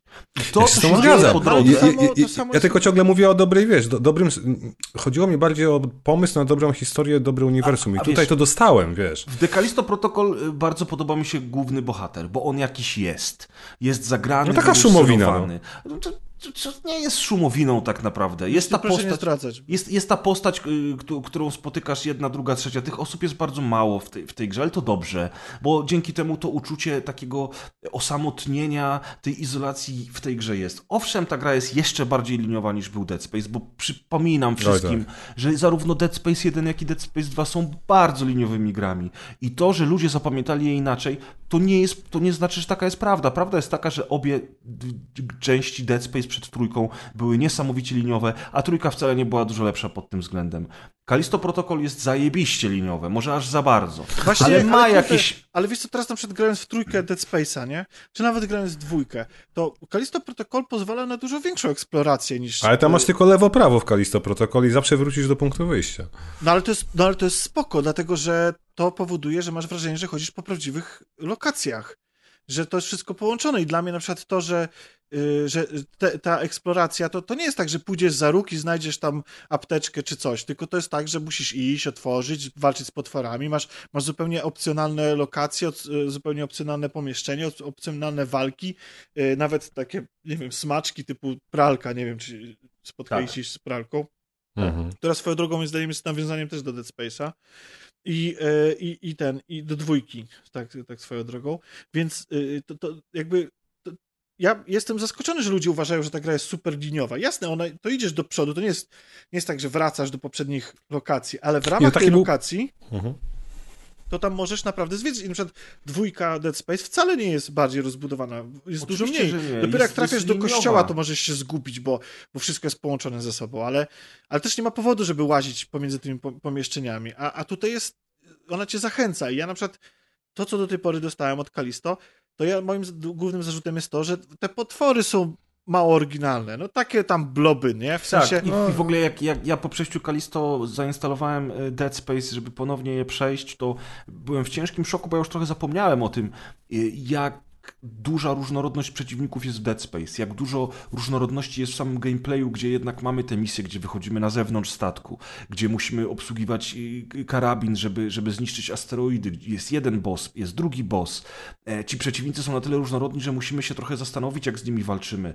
Tutaj jest y, etap bez tlenu, tu jest etap w stanie nieważkości. I potem, jak, jeżeli porównać te gry jeden do jednego, postawić obok siebie, Dead Space jest grą o klasę wyżej. Jest lepiej zaprojektowany, bardziej przemyślany, ciekawszy w swoich Tak. rozwiązaniach i w gameplayu. Natomiast to nie powoduje, że Kalisto Protocol jest słabą grą. Bo ono nie jest słabą grą. No jest, znaczy, to na pewno nie jest szrot y, w taki sposób, jak się o nim wszyscy wy- wypowiadają. W mojej ocenie pod To jest średnia, który może Tak. być na prostą, jak poprawią jeszcze parę rzeczy, a tylko dziwi mnie trochę, że bo to robiła co? Ekipa weteranów, która stała za Dead Space'em Tak, ale jedynką, nigdy nie, nie? wiemy, tak, widzisz, bo teraz wrócę do Ile tego, osób? y, Tak, Okej. znaczy tam wiemy ile osób, ale y, tam chyba 100, 150 czy 100, 120. Ale ile osób ze starej ekipy jakby pracowało A, nad konceptami, To, to, wiecie, to jakby gry, wszystkie gry się robi od nowa. Nie? Mhm. I, I wiele rzeczy, i jak ja słuchałem wywiadu ze Scofieldem, to, to jak on opowiadał, ile pracy i energii i kosztów oni włożyli w to, żeby w y, Dead Space pierwszym była sekwencja z macką, która cię ciągnie przez, Mhm. przez korytarz, bo jemu na tym strasznie za zależało, a oni nie potrafili sobie z tym poradzić. Jak tworzył jakieś grupy specjalne, które były do tego zadania tylko oddelegowane, jak pod to tam zreorganizował całe zarządzanie grą, dał jakieś takie pierdoły, że musieli stworzyć zupełnie nowe animacje do tej sekwencji, która się już nigdy nie powtórzy, to, że to było wszystko dopieszczone. Ja jestem w stanie uwierzyć, że ta gra mogła tyle kosztować, ponieważ jego pomysły tyle kosztowały i nie zażarły. To znaczy, że ostatecznie się okazało, że nowe pomysły typu ta walka i tak dalej, wiele z tych elementów podejrzewam, że musiało wylecieć z produkcji gry. I jest taki moment, y, po prostu, ja nie jestem, ja nie mogę być na to zły, że ktoś chciał stworzyć, że ktoś chciał stworzyć brawlera yy, nawalankę mm, taką bronią obuchową w kosmosie. To jest fajne, dla mnie to jest super. Mi to trochę przypomina... pod warunkiem, że to działa, nie? Tro, tak, mi to trochę przypomina taką starą grę Sacrifice. E, Mhm. Tak, to były dwie części. Jezu, nie pamiętam. Suffering, przepraszam, nie Sacrifice. Sa The Suffering, tak. Na te- Suffering. Wyspa A, z więzieniem. Tak, dokładnie, też więzienie, też ucieczka i, i tak dalej. I ja jakby. Więc tak, to ile ona kosztowała, to jest sprawa tych ludzi, którzy na to wyłożyli pieniądze. I podejrzewam, że to nie jest zła wola, czy że jemu się nagle skończyły pomysły i tak dalej, tylko że po prostu, nie wiem, może produkcja w pandemii i tak dalej była tak uciążliwa, że dużo rzeczy musiało polecieć do kosza. Bo ta gra ma niesamowicie głupie takie błędy projektowe też. W Mhm. sensie takie, że tak się zastanawiasz, że w sumie, kurde, to czemu to jest tak rozwiązane? Czemu, czemu więcej nad tym, wie, wiecie, takie, takie drobne rzeczy. Co nie zmienia faktu, że ja się naprawdę dobrze bawię. Idę sobie, mi, To jest paradoks tej gry, nie? Tak, że mi bawisz się- dobrze, a potem wszyscy psioczą, że jednak tutaj za dużo błędów jest. no ale to, tak, znaczy ab- abstrahując od tego, w jakim stanie została wydana na, na PC-tach, no bo to jest Tak. absolutnie skandal, tak, tak, tak nie powinny być gry wydawane. Ale teraz po, po poprawieniu tej walki, ja rozumiem, dlaczego te mechanizmy niektóre były, to jest mniej więcej tak jak, tak jak ja byłem wściekły właśnie na to, że nie można headshotów walić w y, Rezydencie dwójce remake'u, Ale ja wiem, że to dlaczego tak to zostało zrobione. To jest taki element gry, po prostu ma to być, y, mam unikać walki, a w przypadku e, te, tej gry z kolei nie można się leczyć podczas walki, bo to nigdy nie ma sensu, bo ci tak dopadają i pewne czynności bardzo długo zajmują. To też jest po prostu świadomy, podejrzewam, element. Tak, jestem Yy, bardzo to- zły, że z tego przynajmniej co mi mówił Tomek, że w jednym z patchy Poprawili to. przyspieszono, właśnie ty mówisz, to poprawili. Dla mnie to, to, nie, to jest wada, to nie jest zaleta, że teraz broń przeładowuje się szybciej i leczenie trwa szybciej. To było zamierzone i tak zaprojektowane, żebyś ty się leczył tylko i wyłącznie między starciami, więc niezależnie od tego, ile miałeś przy sobie apteczek, nie byłeś w stanie się uleczyć podczas walki, tak jak mówi Tomek. To było po prostu niemożliwe, a przeładowanie broni wymagało od ciebie dużo czasu, dlatego też Zauważyłem. jakbyś mógł, w miarę możliwości musiałeś walczyć wręcz, bo przeładowywanie broni zajmowało dużo czasu. I to Ale były powiem ci, świetne że- rzeczy, a oni Znaczy, to zlikwidowali. ale wiesz co, z perspektywy czasu, pierwsza walka z bossem, y, gdzie faktycznie mm, jego jeden cios cię zabijał, to przeładowanie broni to ograniczyło z cudem. I Ja pierwszy raz od dawna rzuciłem padem w ścianę i na szczęście się nie rozleciał, ale dawno tego nie miałem, gra do szału doprowadziła.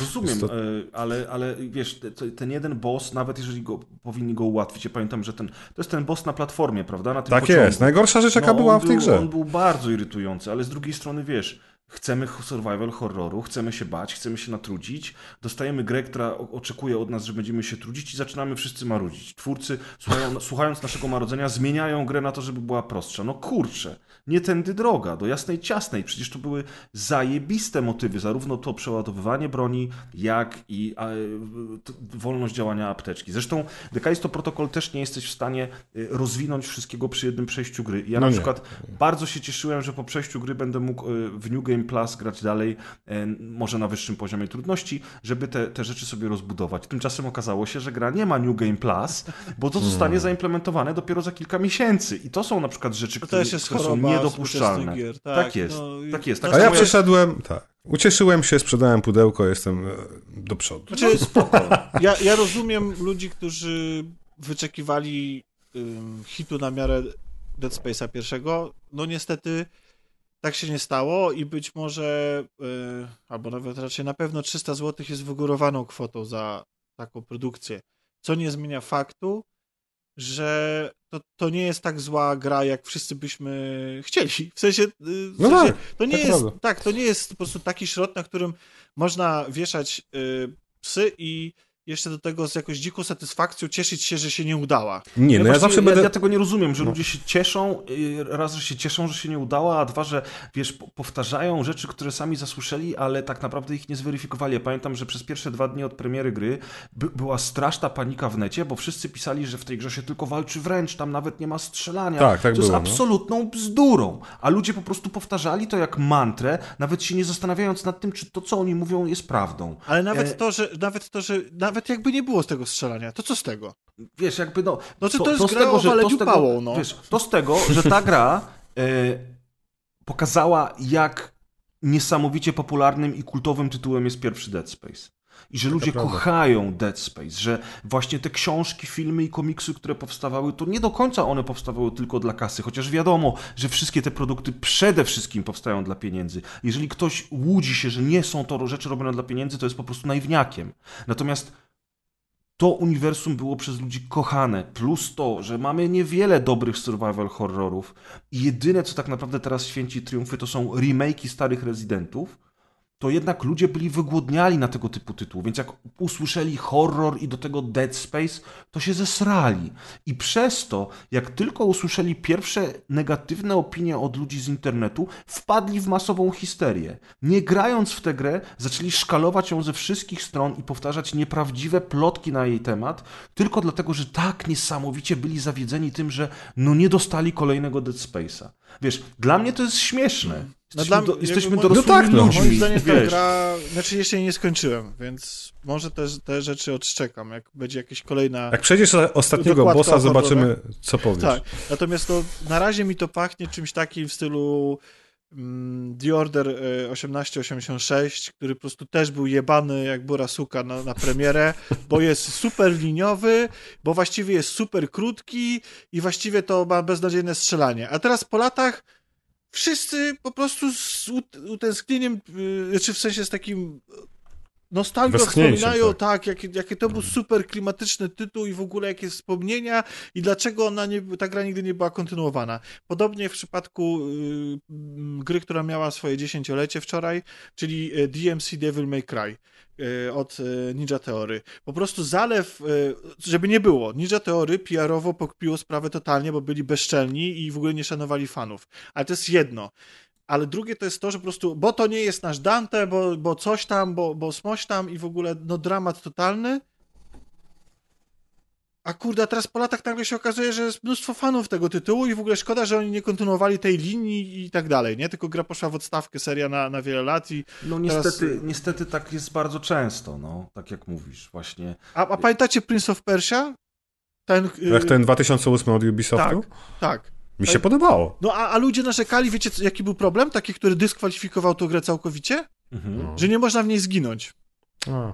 I to jest to był powód, dla którego ludzie po prostu stwierdzili, że nie, co, nie. A nikt nawet się nie zastanowił, że to nie ma żadnego sensu, ponieważ jak w innych częściach giniesz i zaraz odradzasz, nie?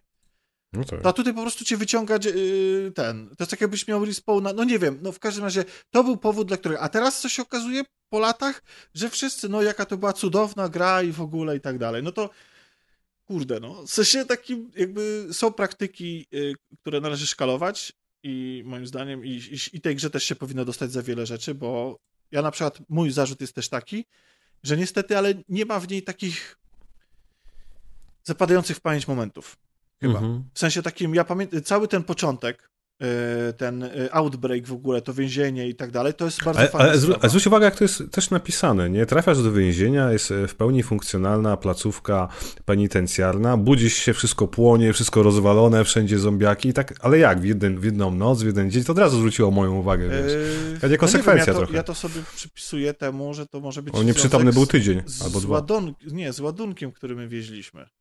Ale to nie wiem, czy to jest, yy, czy to jest Przejdziesz prawda. to, przejdziesz to zobaczysz, Jasne. natomiast Tak on, jest. tam jest, on tam jest jednak Natomiast- trochę dłużej w tym nie, więzieniu. no, ale to, to- się nie dzieje z dnia na dzień. To nie jest tak, że to się Myślisz, że jest nieprzytomny tak długo? Okej, no zwrócę uwagę, bo tak jakoś mi coś nie Nie, zagrało znaczy, na znaczy, początku. y, dla mnie to jakby wytłumaczone było, że to ewidentnie był pomysł naczelnika, nie? I Mhm. Starkiller e, w, czyli bohater Force e, Unleashed, który z jakiegoś powodu jest tutaj pracownikiem tego więzienia, e, bo to jest ten sam aktor, ja sobie żartuję. Tak, nie? tak, tak.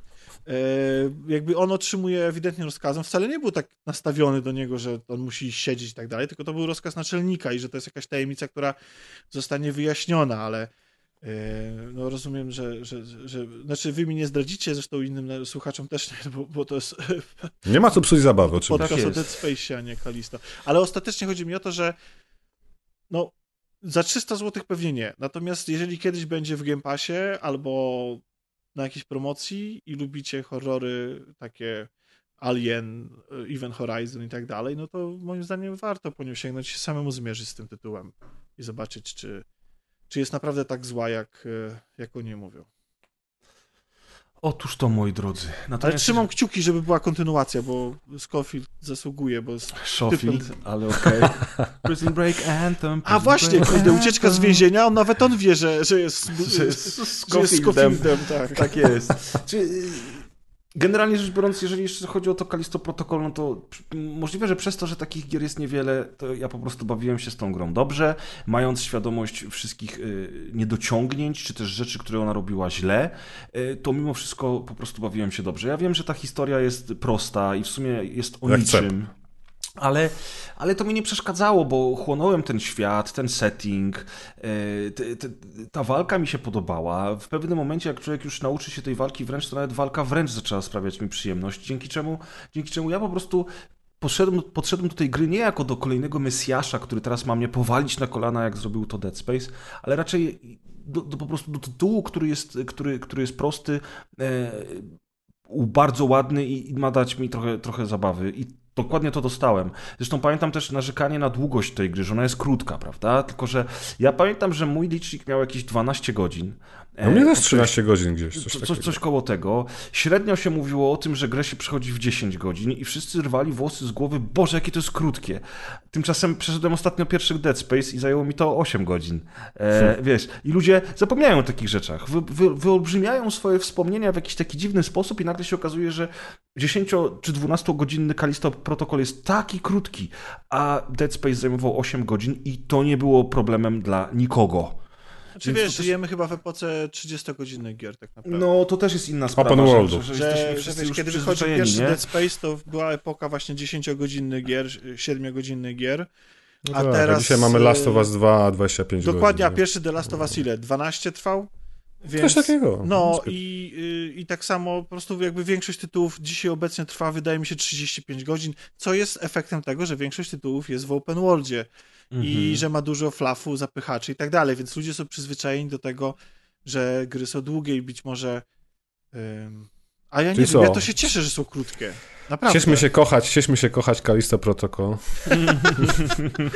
nie, nie, wiem, nie wiem, czy ta gra jest śpieszmy. do kochania, ale może niekoniecznie jest powinna być kozem ofiarnym. Jest, jest wiele więcej cynicznych e, gier, a, a w tej grze widzę, że coś starali się. To jest gra, która wprowadza tą nową mechanikę tego brawlera, i to jest, to już nawet samo to zasługuje na jakieś uznanie, nie? Że, że, że on nie wziął i nie, po prostu nie skopiował swojej, swojej Czyli ja, ja bym chciał tylko podkreślić, że to jest naprawdę pięknie wyglądająca nowogeneracyjna, czy tak. też next-generacyjna gra. To jest pierwsza gra, która tak mi się Grałem podoba. na PS5 i nie mogłem wyjść z podziwu, właśnie przełączając się między trybami i oglądając każdą lokację. Ona jest ja dopieszczona. Na, na 30 klatek, bo jak wiadomo 60 człowiek nie, nie widzi. widać, tak. I ludzkie oko nie, nie widzi 60 klatek, więc... Tak jest. No, więc słuchajcie, mam nadzieję, że zaciekawiliśmy Was przede wszystkim uniwersum Dead Space, dla którego się tutaj dzisiaj spotkaliśmy. E, jak słyszycie, przechodzimy sobie od nowa całą trylogię, wspominamy te media, które towarzyszyły również grom i które są całkiem udane. Nie wszystkie, ale jednak warto się nimi zainteresować. No i czekamy na remake, który pojawi się bodajże 27 stycznia, więc 11 dni od teraz, kiedy nagrywamy odcinek i trochę krócej e, od momentu, w którym odcinek pojawił się e, w internecie. Ja dziękuję bardzo Rafałowi i Tomkowi za dzisiejsze przybycie i za bardzo fajne nagranie. Chwała Altmanowi. Tak jest. Jeżeli chcecie coś jeszcze, jeżeli chcecie coś jeszcze wspomnieć na końcu, to teraz jest dobry moment i, i, i zachęcam, nie wiem, jakieś jeszcze ja może, ja, może, ja może tak, może ja was więcej słuchałem niż się udzielałem w tym odcinku, ale nie ukrywam, że ja po prostu jestem takim trochę, no nie chcę powiedzieć, że newcomerem, jeśli chodzi o markę Dead Space, ale dawno nie grałem, 15 no, lat, więc nawet sobie taka strasznie nie odświeżyłem tych części i fajnie było posłuchać o tych wszystkich rzeczach, o których opowiadał też Tomek, odnośnie właśnie postrzegania i, i ten lore, który też Grzesiek, żeście trochę rozwinęli i trochę mi też jakbyście ułożyli w głowie, tak z, z boku patrząc na to, nie? Bo tych wszystkich niektórych rzeczy nie czytałem komiksów zupełnie, więc ja widzę, że tam były istotne rzeczy bardzo z punktu widzenia gier, więc to fajnie się składa w tą całość, w tą transmediową markę, którą wyprodukowali i, i połączyli to wszystko, nie? Więc dzięki generalnie. No, ja również dziękuję. Też się dowiedziałem kilku fajnych rzeczy, których nie wiedziałem. E, I jeszcze bardziej e, jestem teraz e, zachęcony, żeby tę przygodę po raz kolejny kontynuować, a nie porzucić ją gdzieś w trakcie. Zwłaszcza, że no, Spodziewałem się szczerze mówiąc, że jak przejdę tę jedynkę i krótko po przejściu Decalisto Protocol nie będę miał ochoty, żeby grać w kółko w ciągle i tę samą grę, no bo przecież tak naprawdę dwójka i trójka no to są dosyć podobne doświadczenia growe. Tymczasem jak odpaliłem dwójkę kilka dni temu, to wsiąkłem totalnie i jestem już gdzieś co najmniej w połowie, jak nie dalej, więc idąc za ciosem pewnie przeskoczę szybko do trójki, a przecież po drodze jeszcze było Extraction, które jest nieco inną hmm. grą, ale jednak tym samym uniwersum, z tymi samymi potworami, z tymi samymi widokami, więc, więc myślałem, że się znudzę gdzieś w pewnym momencie, a tymczasem im dalej w las, tym bardziej jestem wciągnięty. I mam tylko nadzieję, że y, przy okazji premiery remake'u ja już nie będę miał faktycznie dosyć, bo wtedy się okaże, że, że będę ten remake y, hejtował yy, gdzieś tam w internecie. No oczywiście żartuję, ale ale tak, to jest jedna z moich ulubionych serii. Ja się cieszę, że mogliśmy sobie o, nich, o, o, niej porozmawiać, bo ona jest dla mnie rzeczywiście ważna i bliska mojemu growemu sercu. A ty, Tomku, co byś chciał dodać? Poza... Pilot The Last of Us jest e, pretty cool. Tak, musimy obejrzeć Last tak, of Us. Jest pretty cool i jakby e, jestem... Znaczy najbardziej mi się podobają te rzeczy, które są mm, nowe, nowe. dodane. Tak, tak. Okay. tak A, ale, ale oglądając tego pilota, przez to, jak on jest wierny grze, mhm. to cały czas miałem, cały czas mi kołatała jedna myśl w głowie że to nie książki, nie filmy, ale właśnie gry wideo są najlepszym medium do opowiadania historii. No, interaktywność to przede wszystkim, nie? No to jestem ciekaw. Ja na pewno obejrzę ten, ten pilot, natomiast jak wiecie, ja nie jestem fanem wydawania po jednym odcinku co tydzień, więc e, pewnie będę czekał aż... Nie umiesz się bawić po prostu. Tak, nie umiem się bawić. Pewnie będę czekał, aż wyjdzie całość, natomiast pilot sobie obejrzę, bo właśnie słyszałem dużo dobrych rzeczy. Ja jestem zwolennikiem e, wierności e, oryginałowi, w związku z czym, jeżeli to, to, to, to jest w ten sposób zrobione. To... Nie, tutaj, tutaj naprawdę nawet, nawet poprawili rzeczy, które mnie irytowały w samej historii, nie? nie bo to nie jest tak. Bo zaskakująco dużo tu jest ujęć przypominających gameplay, prawdę mówiąc. Okay. Ale, ale y, jest jakby naprawili te rzeczy, które mi zawsze irytowały, uwierały i dodali naprawdę mnóstwo fajnych rzeczy, zwłaszcza z życia w Bostonie. Jest to, ja, ja, muszę się do głównej aktorki przyzwyczaić, bo Bella jest Ramsey była świetna, tak? Jest świetna. Okay. Jest, w ogóle to jest, Super. to jest, po prostu trzeba uznać, to jest inna Eli, nie? Trochę okay. starsza. Właśnie tak chciałem podejść do tego, tak. Tylko... I totalnie, moim zdaniem, moim zdaniem Joel też nie za bardzo przypomina Joela. I, I to po prostu trzeba po prostu to zaakceptować. To jest taka wersja i tyle, nie? Okay. No okej, okay, natomiast... E, natomiast to nie jest tak, że to jest zły, zła gra, czy w ogóle wypacza ideę oryginału i tak dalej, nie? Też ja jest wam powiem, świetna. Ja wam powiem, że jestem zaskoczony, dlatego że e, przy okazji właśnie premiery serialu doczytałem w wielu miejscach w internecie, że ludzie krytykują The Last of Us jako grę, i mówią, że oni się bardzo cieszą na serial, bo, bo dzięki temu otrzymają dobrą historię z gry bez konieczności grania w złą grę. No i tak o, to ja myślałem, że tak, odwrotnie słuchaj... się robi, że serial przyciągnie właśnie do, do gier. Nie, właściwie byłem zdziwiony, że ludzie traktują tę grę po latach jako złą grę. Hm. Bo y, za dużo trzeba y, y, macać po szufladach i po półkach i po szafkach, żeby szukać przedmiotów. No ja sobie myślę, no skoro to jest survival horror, to chyba logiczne jest, że musimy te surowce jakoś tam zbierać i sobie z nich robić. Że crafting jest powolny, skradanie jest drewniane, a walka słaba. Ja tak sobie myślę... Nieprawda, że składanie jest y, drewniane. No właśnie. A walka jest specjalnie słaba, żeby. Czy ona nie jest słaba, ona jest bardzo dobra. Tak, ale są tylko, tam. jest wymagająca. Tak, jest wymagająca, ale też jakby ja, to, wiesz co, te głosy były już przy dwójce. Ludziom, ludziom się nie podoba gameplay w dwójce. Moim zdaniem akurat to jest też problem, teraz he, teraz zaprzeczę sam sobie, bo powiedziałem, że to jest najlepsza platforma do opowiadania historii, ale czasami jest tak, że historia jest tak dobra, że ci irytuje, że gameplay ci ją wydłuża, w sensie poznanie mm -hmm. dalszych losów ale akurat y, gameplay w The Last of Us jest immanentną częścią, moim zdaniem, tego świata, doświadczenia i tak dalej. Tego to jakby wyrzucając go, bardzo dużo się traci i, i, i na przykład walka w dwójce jest dla mnie cudowna. Po prostu to jest, ja myślę, że to też jest część y, y, problemu z odbiorem Kalisto Protocol, że ludzie chcą strzelanki. Chcą iść i hmm. strzelać. A w mhm. Kalisto Protocol ci mówi, nie, masz tu pałę i walnią e, wal, e, po głowach, nie, zombiaki. Ale jak to? Ja chcę strzelać, a nie się uczyć nowego systemu i on jest jeszcze na gałce i w ogóle e, i tak dalej. W sensie, oczywiście każdy ma prawo do swojej opinii, tylko... Tak, no tak, no ale, tak, ale chodzi o to, ludzie że... Ludzie marudzą po prostu. Tak, ale tak. nie, chodzi o to, że, że jest... Ja też czasami tak mam. Ja też mam tak, że spotykam się z czymś nowym, a nastawiałem się na coś innego i sobie myślę, kurde, no nie chcę mi się uczyć tego. To jest dla mnie system, którego ja nie rozumiem, nie chcę tracić czasu, chcę po prostu grać i czerpać przyjemność. Walka w The Last of Us 2 jest świetna, tylko trzeba się przestawić na zupełnie inny model grania. To Ale wiesz, tam jest problem z kamerą i z ilością wrogów, bo wtedy ten system wariuje i to to były chyba największe Ale ty mówisz teraz o The Last of Us 2 czy o Kalisto A, przepraszam, mówię o Kalisto Protocol. Nie, nie, ja mówię, tak, no ja rozumiem. Ja, no, ja nie doszedłem jeszcze tak daleko, żeby mieć z tym problemy, więc jest szansa, że wszystko będę musiał odczekać. Chodzi o to, że w The Last of Us 2 jest, ona potrafi być super płynna, ale jednocześnie ona nie może być, to nie jest Devil May Cry, ani, mhm. ani to nie jest, nie wiem, um, Uncharted chociażby, bo ta gra polega na, znaczy ta płynność, ta, ta mechanika y, walki w tej grze z, i oddaje jakby chaos i taką brutalność i taką ostateczność i taką właściwie właśnie... Ona jest mięsista, ona tak, boli, boli cię jak dokładnie. to robisz. I ona nie, nie jest tak. piękna, ona, jest, ona nie jest płynna, ona jest właśnie walką o życie za każdym razem, nie? A nie, mhm. że super y, Terminator, Eli czy Joel idą i po prostu zabijają y, setki potworów, nie? Jak Isaac Clarke, nie?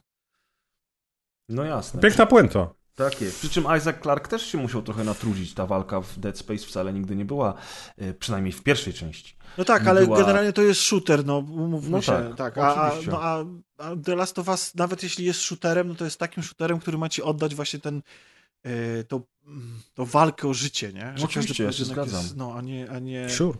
a nie, że tam, kurde, jesteś mega koksem i no Uwielbiam, tak. gram co cyklicznie co roku, chyba w dwójkę, więc. Ja jestem ciekawy tego. Y multi. Frakcje.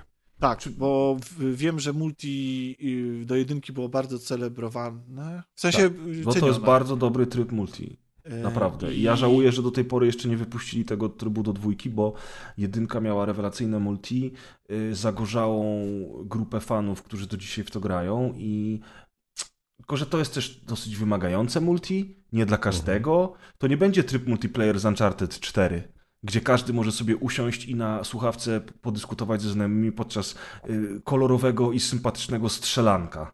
Wiesz, to jednak jest The Last of Us i nawet to multiplayer w The Last of Us było bardzo specyficzne. Mam nadzieję, że oni tego nie zaniechają w tym nowym trybie, który mają wypuścić.